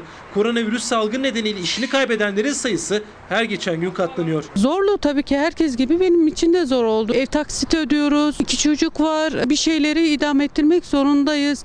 E, elektrik faturası, su faturası, diğer giderler insanı zorluyor. Zorladı maddi açıdan olsun hani stres sinir stres açısından ne olacağı belirsizlik olduğu için geleceğe yönelik önünü göremediğin için sıkıntı oluşturdu. Çok zor. Para yok. İş yok. Çoluk çocuk perişan. 1200 lira ev kirası veriyor. E, geçen ay ödemedim, bu ay da ödemedim. Zaten 2,5 lira o. Kredi borçlarım var, yeni evliyim. 5 ay önce evlendim. Bilmiyorum ne yapacağımızı. Elektrik kesme ihbarnamesi gelmiş sabah, onu da gördüm. Geldim üst üste geliyor. Birkaç gün, birkaç hafta öncesine kadar sağlıklarını düşünüyorlardı. Artık evin kirasını, kredi kartlarını, gıda harcamalarını, elektriği, suyu, doğalgazı nasıl karşılayacaklarını düşünüyorlar. Hiçbir şey yapmasam yani bir buçuk milyar ödemem çıkıyor. Yemesi, içmesi, doğalgazı, faturası. En kötü 2 milyar olması gerekiyor aylık ki hani geçimini idame ettirebilesin. Cepten yiyoruz. Elimizdeki olanı yedik. Şimdi boşta kaldığımız için yapacak bir şey yok. Meral Hanım'a çok soru geliyor. Bu arada İzmir Tabip Odası'ndan Ergun Demir diyor ki Sayın Başkan'a iletir misiniz? Sağlık çalışanları için verdikleri önergeye az evvel haberi sunduk ya Evet, efendim. Tantik. Sağlık çalışanında COVID-19 tanısı mesela bir sağlık çalışanı, doktor, hemşire eğer o pozitif çıkarsa iş kazası veya meslek hastalığı sayılmasına eklemeler uygun olur mu diye soruyor. Arkadaşlarıma söylerim. tamam. Şimdi buradaki e, bizim bu o, şehit e, tanım içine alınmasının e, önerimizin arka planında şu var. E, sonuçta e, bu insanlar e, yani vefat ettiği zaman bu mücadele esnasında vefat ettikleri zaman e, çalışma sürelerine göre ailelerine bir yani şehit tanımıyla e, yapıldığı zaman Devlet sahip çıkar. Devlet sahip çıkıyor. Güzel. Çocuklarını okutma konusunda, işe alma konusunda vesaire gibi Tabii. hakları var. Yani burada anlat e, bizim söylemeye çalıştığımız vatan savunmasında şehit olan Mehmetçiğimizle, askerlerimizle bir yan yana getirme değil. Sadece ölüm esnasında e, geride bıraktıklarına bu devletin hukuki olarak zorunlu bir biçimde sahip çıkmasını sağlamak. zaten efendim bu hem da- ekonomik manada Bir de bir şey söyleyeceğim hem de efendim. Bu da, bu da için. zaten vatan savunmasında şehadet Evet, değil midir? Yani ben şey için söylüyorum. Anladım ben. Hani öyle bir Peki. e, yan yana getirme söz konusu değil. Evet ama Ergun Demir'in önerisini Onu de ben arkadaşlarıma ileteceğim. Bu arada Rana Karabudak, sevgili İsmail sen ve bütün ekip arkadaşlarına, sokaktaki haber yapan muhabirlerinize de içtenlikle teşekkür ederiz diyor. Bizler görevimizi yerine getirmeye çalışıyoruz. Bu arada efendim erken saatlerde anons etmiştim. İşten çıkarmayanlar, çıkarmayacaklarını açıklayanlar mesela Ciner, Turgay Ciner böyle bir açıklama yaptı. Teşekkür ederim. Mustafa Süzer bana ulaştı. Enver Yücel bana ulaştı. Bilgili Holding işte onlar işten çıkarmamak gibi bundan böyle olumlu adım atanları da işten çıkaran fırsatçıları da ben burada anons edeceğim efendim. Evet. Dünyaya bir bakalım mı? Çok sevinirim. Amerika, Sayın Genel Başkan çok iyi bileceksinizdir. Bu işlerin en başında bu işi biraz böyle savsakladılar. Fakat meselenin ne kadar ciddi olduğunu anladılar. Trump dün şunu söylemek durumunda kaldı. 200 bin kişiye kadar ölüyle bu işin içinden çıkarsak Çok iyi. kendimizi Öyle dedi. Öyle Başarılı dedi. sayacağız dedi. Başarılı sayacağız dedi. İzleyelim. Koronavirüsün yeni merkez üssü Amerika'da salgın hayatı durma noktasında getirdi. Salgından en kötü etkilenen eyalet New York'ta 800 poliste virüs tespit edildi. Washington'dan sonra Virginia ve Maryland'de de zorunlu olmadıkça sokağa çıkmak yasaklandı. Başkan Trump salgına karşı alınan tedbirleri 30 Nisan'a kadar uzattığını açıkladı. Amerika'da salgın kabusuna karşı olağanüstü önlemler alınıyor. Artan testlerin de etkisiyle vaka sayısı 165 bine ulaştı. Tüm eyaletlere yayılan virüs ülke genelinde 3164 can aldı. Tedbirler 30 Nisan'a kadar uzatılınca 12 Nisan olarak belirlenen işe dönüş tarihi de askıya alınmış oldu. New York salgından en ağır darbeyi aldı. Binden fazla kişi hayatını kaybetti. Virüs polis teşkilatına da sıçradı. 800 polisin testi pozitif çıktı. Can kayıpları ve vaka artışı hızlanırken hastaneler kapasiteyi aşma noktasında geldi. Sokağa çıkma yasağının kısıtlı uygulandığı bölgede karantina uygulamasına geçilip geçilmeyeceği hala soru işaretiyken Başkan Trump konuyla ilgili basın mensuplarının sorularını yanıtladı. So we talked about quarantine, as you know, the other day. Karantina taleplerini değerlendiriyoruz. Bununla ilgili çalışmalar yapıyoruz. New York'a bir bakın. Neredeyse kimse sokağa çıkmıyor. Neredeyse caddelerde hiç araba yok. New York'ta yaşayanlar harika bir iş çıkartıyor.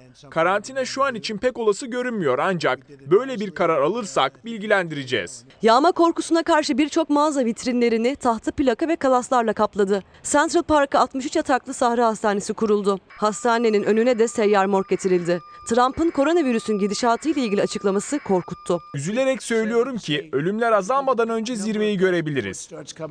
New York'ta market, eczane ve benzin istasyonları dışında açık yer kalmadı. Tüm ticari işletmeler kepenk kapattı. Ünlü markaların da dahil olduğu mağazalarda çalışan binlerce insan ücretsiz izne çıkartıldı. Başkan Trump, İtalya Başbakanı Giuseppe Conte ile telefonda görüştü. Yaşamını yitirenlerden dolayı taziyelerini iletti. Trump, İtalya başta olmak üzere salgından kötü etkilenen Avrupa ülkelerine yardım taahhütlerini yineledi. Amerika'nın önde gelen şirketlerinin vantilatör ve solunum cihazı üretmeye başladığını ifade eden Trump, kendi ihtiyacımızı karşıladıktan sonra yardımlara başlayacağız dedi. nine other companies doing ventilators as we Vantilatör üreten 9 şirketimiz daha var. Kendi ihtiyacımızı tamamladığımızda İtalya'ya, Fransa'ya ve salgından etkilenen diğer Avrupa ülkelerine de yardımda bulunacağız. Amerika'da Washington'da uygulanan sokağa çıkma yasağına Virginia ve Maryland eyaletleri de eklendi. Ülke genelinde test uygulanan kişi sayısının 1 milyonu geçtiği açıklandı. Evet efendim bir de bu infaz sistemine ilişkin sorular çokça geliyor ama bir önemli gazeteci arkadaşımız var. Bakın kampanya duyuruyorum ya ben. Bakın şöyle adımı verme diyor. İsmail söylersen ismimi verme diyor. Ama top başkanı Hisarcıklıoğlu acaba işten çıkarmama, maaşı kesmeme sözü veriyor mu? Bakın bu adını söylesem hepinizin çok iyi tanıyacağı bir gazeteci. Zannetmiyorum. Çünkü Odalar ve Borsalar Birliği Başkanı Rıfat Sarcıkoğlu'nun bu konularda hassasiyet taşıdığını düşünüyorum, düşünmek isterim. Ama söz veriyorum bu gazeteci arkadaşıma, çok sevdiğim, önemli bir gazetecidir. Rıfat Sarcıkoğlu'nu bugün de arayacağım. Yapmasınlar değil mi efendim hiç Tabii. kimse? işten Şimdi çıkarmasınlar büyük ve... şirketlerin bu demin sizin söylediğiniz işçi çıkarmayacağız, çalışan çıkarmayacağız e, beyanatlarına ve sözlerine teşekkür ediyoruz.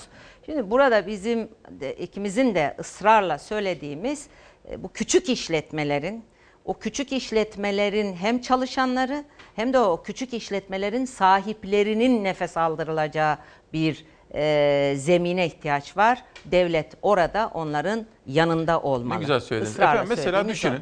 Mesela Kütahya Simav'da bir berber. Evet. Çünkü Ya kapalı. da, ya da Kayseri'de bir kahvehane kapalı. Evet, Şimdi evet. orada çalışan garson ne yapacak, Tabii. usta ne yapacak Tabii. onlar? O küçücük berber dükkanında mutlaka üç kişidir. Tabii. Yani üç kişi evine ekmek götürüyordu. Bir de çırak koyun hatta. Evet, etti dört. Peki. Efendim size infaz sistemini soracağım. Af çünkü çok yoğun olarak Evet. tartışılan bir konu. Fakat önce İspanya'ya gidelim. Dün canlı yayınımızda Nurettin Acar da altını çizmişti. Biz dedi İtalya'nın yaptıklarından veya yapmadıklarından gereken dersleri çıkarmadığımız için ağır bedeller ödüyoruz. Şimdi siz Türkiye'de yaşayan bizim kardeşlerimiz olarak bizim yaptığımız hatalardan ders çıkarın diyor. İspanya'ya gidiyoruz.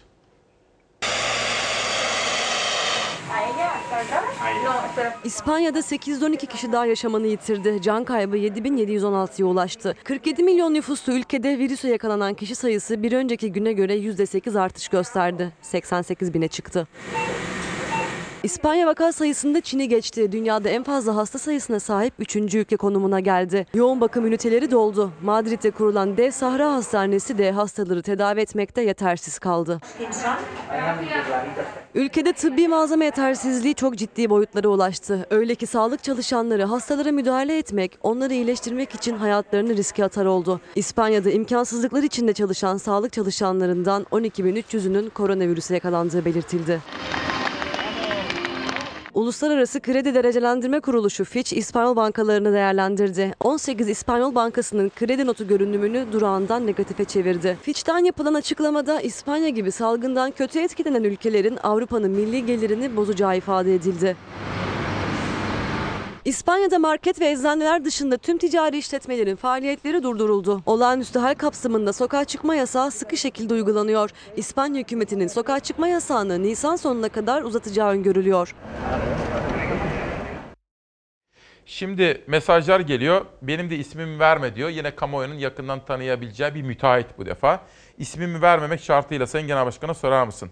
Müteahhitler özellikle büyük kentlerde şimdi müteahhitler yani belediyeler müteahhitleri de zorluyorlarmış. İşini feshederim diye. Force majeure yani olağanüstü hal mücbir sebep şartıyla tasfiye şartı olarak salgın hastalık vardır. Bu da o hal veya sokağa çıkma yasağı kararı almama sebeplerinden biri olabilir mi diyor. Yani iktidar bu... Aynı fikirdeyiz. Heh, aynı fikirdesiniz. Peki. Evet. Şimdi efendim Nilüfer Bulut var. Bir kadın dernekleri TİKAD'ın Evet. başkanı diyor ki İsmail Bey Sayın Akşener'e sorabilir misiniz? Eğer bugün iktidarda olsaydı Sayın Akşener bu süreçte alacağı en önemli tedbir ne olurdu? Keşke Ne yapardınız efendim? Hakikaten iyi soru derhal bu. e, bir kere sınırları kapatırdık. Ve e, mutlaka sokağa çıkma yasağı ilan ederdik belirli bir süre. Ve e, o dönemde de e, insanımızın ekonomik olarak yanında olurduk. Peki. Şimdi infaz sistemine gelelim. Evet. Şimdi efendim bu tartışma MHP lideri Bahçeli'nin önerisiyle başladı. Evet. İktidar önce istemedi, sonra Bahçeli ısrar etti. Önce rafa kaldırdı ama mesajını verdi. Ben hep burada o sorulduğu zaman dedim ki bu iktidarın devamı için aslında Bahçeli bunu eninde sonunda yaptıracak. Öyle anlaşılıyor. Fakat şimdi partiler arası turlar falan oluyor. Sizin yaklaşımınız ne efendim burada? Şimdi biz e, af diye, infaz yasası diye e, biliniyor. Evet infaz. Ama e, onu e, hapishanelerde e, yatan insanların aileleri af diyebilir. Evet. Dolayısıyla bu sistemi ağzınızdan çıkardığınız dakikadan itibaren müthiş bir beklenti olur ve gittiğimiz her yerde bu manada yakınları hapiste olanların e, talepleriyle hepimiz karşılaştık. Şimdi burada anlayamadığımız şey şu. Bir, bu iki siyasi partinin yani Cumhur İttifakı'nın bileşenlerinin oyları yeterli. Dolayısıyla getirip geçirebilirler. Birincisi bu. Ha, yani diyorsunuz ki muhalefete ihtiyaçları yok. Zaten İstedi- hiçbir konuda e, biz mesela bu e, koronavirüsle ilgili bir e, Covid-19 ile ilgili bir e, meclis bünyesine bir araştırma kurulu kurulsun diye e, teklif verdik. Araştırma önergesi verdik. Oy birliğiyle red, şey bu iki partinin e, oylarıyla reddedildi. Şimdi şunu söylemeye çalışıyorum. E, Bir e, böyle bir e, durum var. İki ilginç bir biçimde bize e, getirilen e, teklifin içinde çocuk e, tecavüzü artı tacizi Var mı orada? var. Şiddet, e, kadına şiddet ve e, çocuk evlilikleriyle ilgili bir de torbacı denilen e, uyuşturucu satıcılarıyla ilgili bir infaz indirimi mevcut. Bizim bunlar kırmızı çizgilerimiz. Bizim buna... Bunu söylediniz mi efendim Tabii iktidara? tabii tabii. Şimdi yalnız benim önerim şu oldu. Dolayısıyla arkadaşlarımıza söylediğim o oldu. Arkadaşlarımız da AK Parti e, grup başkan vekillerine ve Sayın Bostancı'ya ilettikleri şu oldu. Naci grup başkanına ilettikleri şu oldu. Bu o, infaz yasasını açık net bir şekilde kamuoyuyla paylaşsınlar.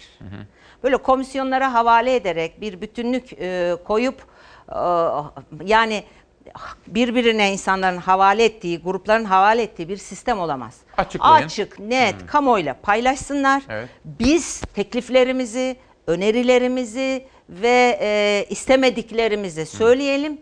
Ondan sonra da bir orta yol elbette bulunur dedik. Şu anda durumu nedir bilmiyorum. Yoksa siz aslında affa ilkesel olarak karşı değilsiniz. Hayır hayır değiliz tabii. Tamam. On, onda, ya CHP de insanlar- böyle. İnsanlar havada şu anda. Tabii. Gittiğimiz her yerde size de geliyordur. O kadar çok Aa. Yani o, o insanlara bir kere bunu söylediğiniz zaman aa, zaten o öyledir. Bu efendim diş macunu gibi. Bu Evet, çıktı mı aynen öyle. iki şey böyledir. Ama bir seçim bir de hani, bu e, Anadolu'da bir söz var. Alanda kaçan mı şeklinde. Hmm. İşte bu kurnazlık işi doğru değil. Peki. Şimdi Sayın Genel Başkanım siz, ben sizi çok uzun yıllardır tanıyorum. Ben En- hesap yaptım sizi 21 yaşındayken, siz 21 yaşındayken beri tanıyormuşum. 21. Ben Sabah Evet. Gazetesi muhabirdim. Evet. Ta Zafer Mutlu Dinç Bilgin zamanları. Ya. Sizi bildim bileli iki konu sizin için önemli. Bir devlet mefhum olarak. Evet. İki, kadına yönelik şiddet. Çok. Öteden beri. Şimdi yanındayız derneği var. İşte bizim Murat Yetkin'in, Ferhat Boratav, Nuri Çolakoğlu hepsi bir arkadaşlarımız kadına karşı bir video vardı. Savaş hazır mı o? Başkanlarını da e, tanıyorum Tanıyor Murat musunuz? Bey'i. Evet. Ben de Bahadır Erdem bana geçen bir video Evet. yollamıştı profesör. Evet, Bahadır, Bahadır Hoca'yı da çok Tanır yakından mısınız? tanırım. Evet çok, çok da çok severim, müstesna sayarım. bir insandır. Savaş o videoyu bir izleyelim. Değerli dostlar, ülkece ve dünyaca atlatmaya çalıştığımız bu zorlu pandemi günlerinin bize hatırlatması ve öğretmesi gereken en önemli değer adalet. Toplumsal adaletimizi geri dönülmez şekilde sarsacak olan bir hükümet tasarısı hakkında yanındayız derneği olarak dikkatinizi çekmek istiyoruz. Korona nedeniyle suçluların cezalarının infazı yeniden gündemde. Ancak onca uyarıya rağmen tecavüz, kadına karşı şiddet suçluları, cinsel şiddet, çocuğa karşı istismar, küçük yaşta çocukla evlenme ve uyuşturucu imal ve ticareti dahil edildi. Düşünce suçlularını hapiste tutarken bu suçluları cezalarında indirim yaparak adeta affederek toplum içine salmak hiçbir surette kabul edilemez. Yanındayız derneği olarak korona günleri geçer ama en az korona kadar e, zararlı bu insanların topluma salınmasının verdiği zarar geçmez diyoruz. İsterseniz siz bu işi bir kere daha düşünün. Bu tartışmalar doruk noktasına çıkınca Kezban Atemi hocamı aradım. Hocam ne diyorsunuz dedim bu geneli af itibariyle. Evet. İsmail dedi iyice bir okuyalım dedi. Geldi taslaklar ama dedi acaba iktidar ne kadar nerede ciddi bütün bunlara Evet. çalışayım sonra dedi. Kezban Atemi bunu değerlendirelim dedi efendim. Bir başka mesele yine işsizlik meselesi. Bakın dönüp dolaşıp geldiğimiz yer. Size bir Evet. mesaj okumak istiyorum sana genel başkanım. Bakın. Şimdi ben bir gün Kezban Atemi hocamı da buraya davet edeyim ve onunla da bunu konuşalım. Canan Güllü hocamla, Nazan Moral hocamla bunları takip ediyoruz efendim. Önemli konular bunlar. Şimdi bir mesaj vardı tarımla ilgili de onu bulmaya çalışıyorum. Bakın size yöneltmek istiyorum. Çiftçilerimizin mazot ve gübre desteklemeleri bugün ödenmeye başlandı. Çiftçilerimiz destekleme paralarını almaya Ziraat Bankası'na gittiğinde hak edilen miktarın altında ödeme yapıldığını gördüler. Nedenini sorduklarında sulama birliğine olan borçlarının kesildiğini ifade edil... Bu olur mu efendim? Ya deminden beri onu söylüyoruz. Şimdi bakın dün e, Sayın Erdoğan e, çiftçilere e, devlet desteğinin yarısının 2020'ye ait e, paranın yarısının ödendiğini e, söyledi. Kendisini yani bu o, Tarım Bakanı ile mutlaka bir görüşsün aldatmışlar. E, 2019'un e, borcu ödenmeye çalışılıyor. E, 2020'ye dair bütçede konulan paraya baktığım zaman ben biliyorsunuz anayasaya göre yüzde bir oranında gayri safi milli hasılanın e, yüzde biri oranında bir para ödenmesi gerekiyor. En az e, 10 senedir bu böyle bir e, durum yok. Üçte birini e, yarısını bugüne kadar çiftçilere hak olarak destek anlamında ödendi. E, şimdi 2020'ye dair ne genelge çıkmış ne e, bunun kararnamesi çıkmış hiçbir şey yok ve Sayın Cumhurbaşkanı'nı Cumhurbaşkanı vasfıyla Tarım Bakanı'yla bir konuşsun. 2020'nin yarısı ödendi dendi. Hı hı. Böyle bir şey yok. Peki. Ve bir de burada üstüne üstlük Sulama mazot kesintisi. e, parasının e, sulama parası, Ya, elektrik parası. Yem var daha Ya. hayvancılar için. Şimdi bakın size bir teşekkür var. Canan Güllü Türk Kadın Dernekleri Federasyon Başkanı sevgili İsmail, sevgili kardeşim kırmızı çizgimizdir. Genel Başkan'a bu konuda gösterdiği duyarlılık için içtenlikle teşekkür ediyorum diyor Canan Güllü. Çok teşekkür Peki ederim. bir de işsizlik meselesi var efendim. Diskin bakın efendim size çok benzetiyorum. Bakın siz sağdasınız o solda ama ben hani böyle çok içten sağlam. Arzu Hanım diyorsunuz Evet. değil mi? Ya çok öyle. beğeniyorum. Ya çok Öyle. başarılı buluyorum. Evet, Hazır hiç mı arkadaşlar? tanışmadık ama ben de öyle izliyorum. İzleyelim.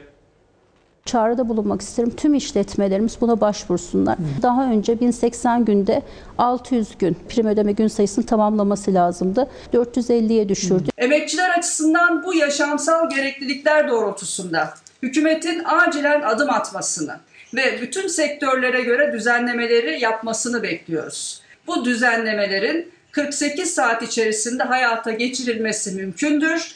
Dahası zorunluluktur. İktidar, işsiz ordusuna yenilerinin eklenmesinin önüne geçmek için kısa çalışma ödeneğini devreye soktu. Şartlarını da esneterek 5 günde 19 bin firma 420 binin üzerinde çalışanı için başvurdu. Disk ise işten çıkarmayı yasaklayın derken hükümete acil adımlar için 48 saat süre verdi. Ülkeyi yönetenler bu adımı atmadığı takdirde temel, zorunlu ve acil işler dışında çalışanlar yaşamlarını tehdit eden bu koşullarda çalışmaktan kaçınacak ve çalışmama hakkını kullanacaktır. Bu işçilerin yasal hakkıdır, dahası bir yaşam hakkıdır. İşsizlik sigortası fonu üzerinden biz onlara maaş desteği sağlıyoruz. Maaşını kaybetmemiş oluyor. Belçika devletine bakın. Diğer desteklerin yanı sıra kapanan berber ve kuaförlere 2000 avro, kapısını kapatan diğer işletmelere 4000 avro nakit desteğinde bulunmuş. 2 milyon haneye e, biner lira e, destek sağladık. İlk ödemeleri de 1 Nisan'da yapılmaya başlanacak. Elektrik, su ve doğalgaz faturalarını 3 ay almayın. Yılbaşına kadar da faturalarda KDV'yi sıfırlayın. Kamu bankalarımızla aylık 5 bin liranın altında geliri olan tüm vatandaşlarımız için temel ihtiyaç desteğini devreye aldık. Hazine ve Maliye Bakanı duyurdu. 3 kamu bankası 5 bin liranın altında geliri olanlara 10 bin liraya kadar 36 ay vadeli kredi verecek. İlk 6 ay geri ödemesiz. Yani 10 bin lira kredi çeken bir kişi 6 ay sonra taksit ödemeye başlayacak. 36 ay boyunca ayda 376 lira ödeyecek. 36 ayın sonunda ödeyeceği faiz tutarı 3536 lira. 7500 lira kredi çekenin aylık taksit tutarı 282 lira olacak. 5000 lira kredi çekenin 188 lira. Diğer ülkeler vatandaşlarını koruyabilmek için trilyonlarca dolarlık paketler açtılar. Para basmak dahil her türlü tedbiri alıyorlar. Saray ise krediyi verirken teminat istiyor. Muhalefet iktidarı vatandaşı borçlandırmaya çalışmakla eleştirdi. Eski CHP milletvekili Muharrem İnce ise okulların tatile girmesiyle gelirini kaybeden sözleşmeli öğretmenler için Milli Eğitim Bakanı'na seslendi. Paranız varsa ücretli öğretmenlerin parasını ödeyin. Paranız yoksa kampanya açın, yardımcı olun. Bizim evde iki eski öğretmen var, eşim ve ben. Biz iki ücretli öğretmenin maaşını biz ödeyebiliriz. Herkes buraya katkı verecektir, bundan emin olabilirsiniz. Evet bir büyük baba Ersan Sevim o da torunlarını göremedi. Doğum günü kutladı ama bir video var. Torunları kapıdan pencerenin önünden onun doğum günü kutlamış. Ef- Sizin torun ne yapıyor efendim? Valla bir ay e, geçti. Sadece telef- e, telefonlarımızdaki e, görüntülerden görüyoruz. Evet. Şimdi Ersan Bey'in videosu da var. Bu arada Pınar Ketenci, İsmail Selam ben etkinlik yapan bir firmayım ve bütün işlerimiz iptal oldu. Evet. Fakat açıklanan hiçbir şeyden faydalanamıyor. Vergiler ödenecek nasıl olacaksa diye bakın o kadar çok bölümleri var ki Çok. efendim. Çok. Peki gelsin bakalım. Efendim bugün 31 Mart. Dün kızıyla da konuştum. Biz aynı zamanda vefalı olmak durumundayız. Doğru diyorsunuz. Unutturmamamız gerekiyor. Evet. Bakın usta sanatçı Halit Evet. Akçatepe'yi ölüm yıl döneminde rahmetle, sevgiyle, özlemle anıyoruz. Kısa bir videomuz var izleyelim. Allah mekanı cennet etsin. Amin. Sen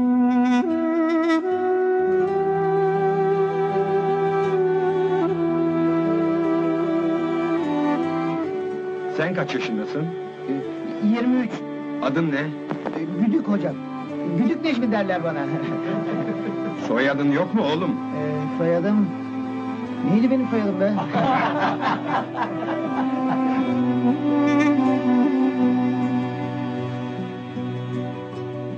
Dayanamıyorum! Dayanamıyorum! Hayret! Neye dayanamıyor?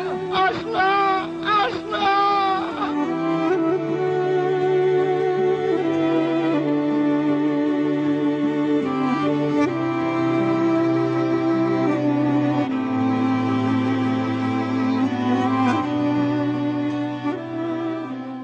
Kendisine Allah'tan rahmet diliyorum. Efendim Sayın Genel Başkan'a çok teşekkür ediyorum. Ben İyi ki geldiniz. ederim. Sağ olun, Çok var olun. olun. Son bir cümle bütün Türkiye bizi izliyor. Sizin sözünüze kapatalım. Evet, çok teşekkür ediyorum bu fırsat Sağ için. efendim. Yaşlılarımıza tekrar konumuzun başında söylediğimiz gibi iyi davranalım. Yaş almışlarımız taşıyıcı değil, onlar risk altında. Gençler daha fazla taşıyıcı konumda. Onlara saygısızlık yapmayalım ve çok rica ediyorum evde kal Türkiye. Ne güzel. En son bu söz olsun efendim. İsmail Küçükkaya Demokrasi Meydanı yarın 7.45'e kadar müsaadenizi istiyor. Yarın 7.45'te görüşmek üzere.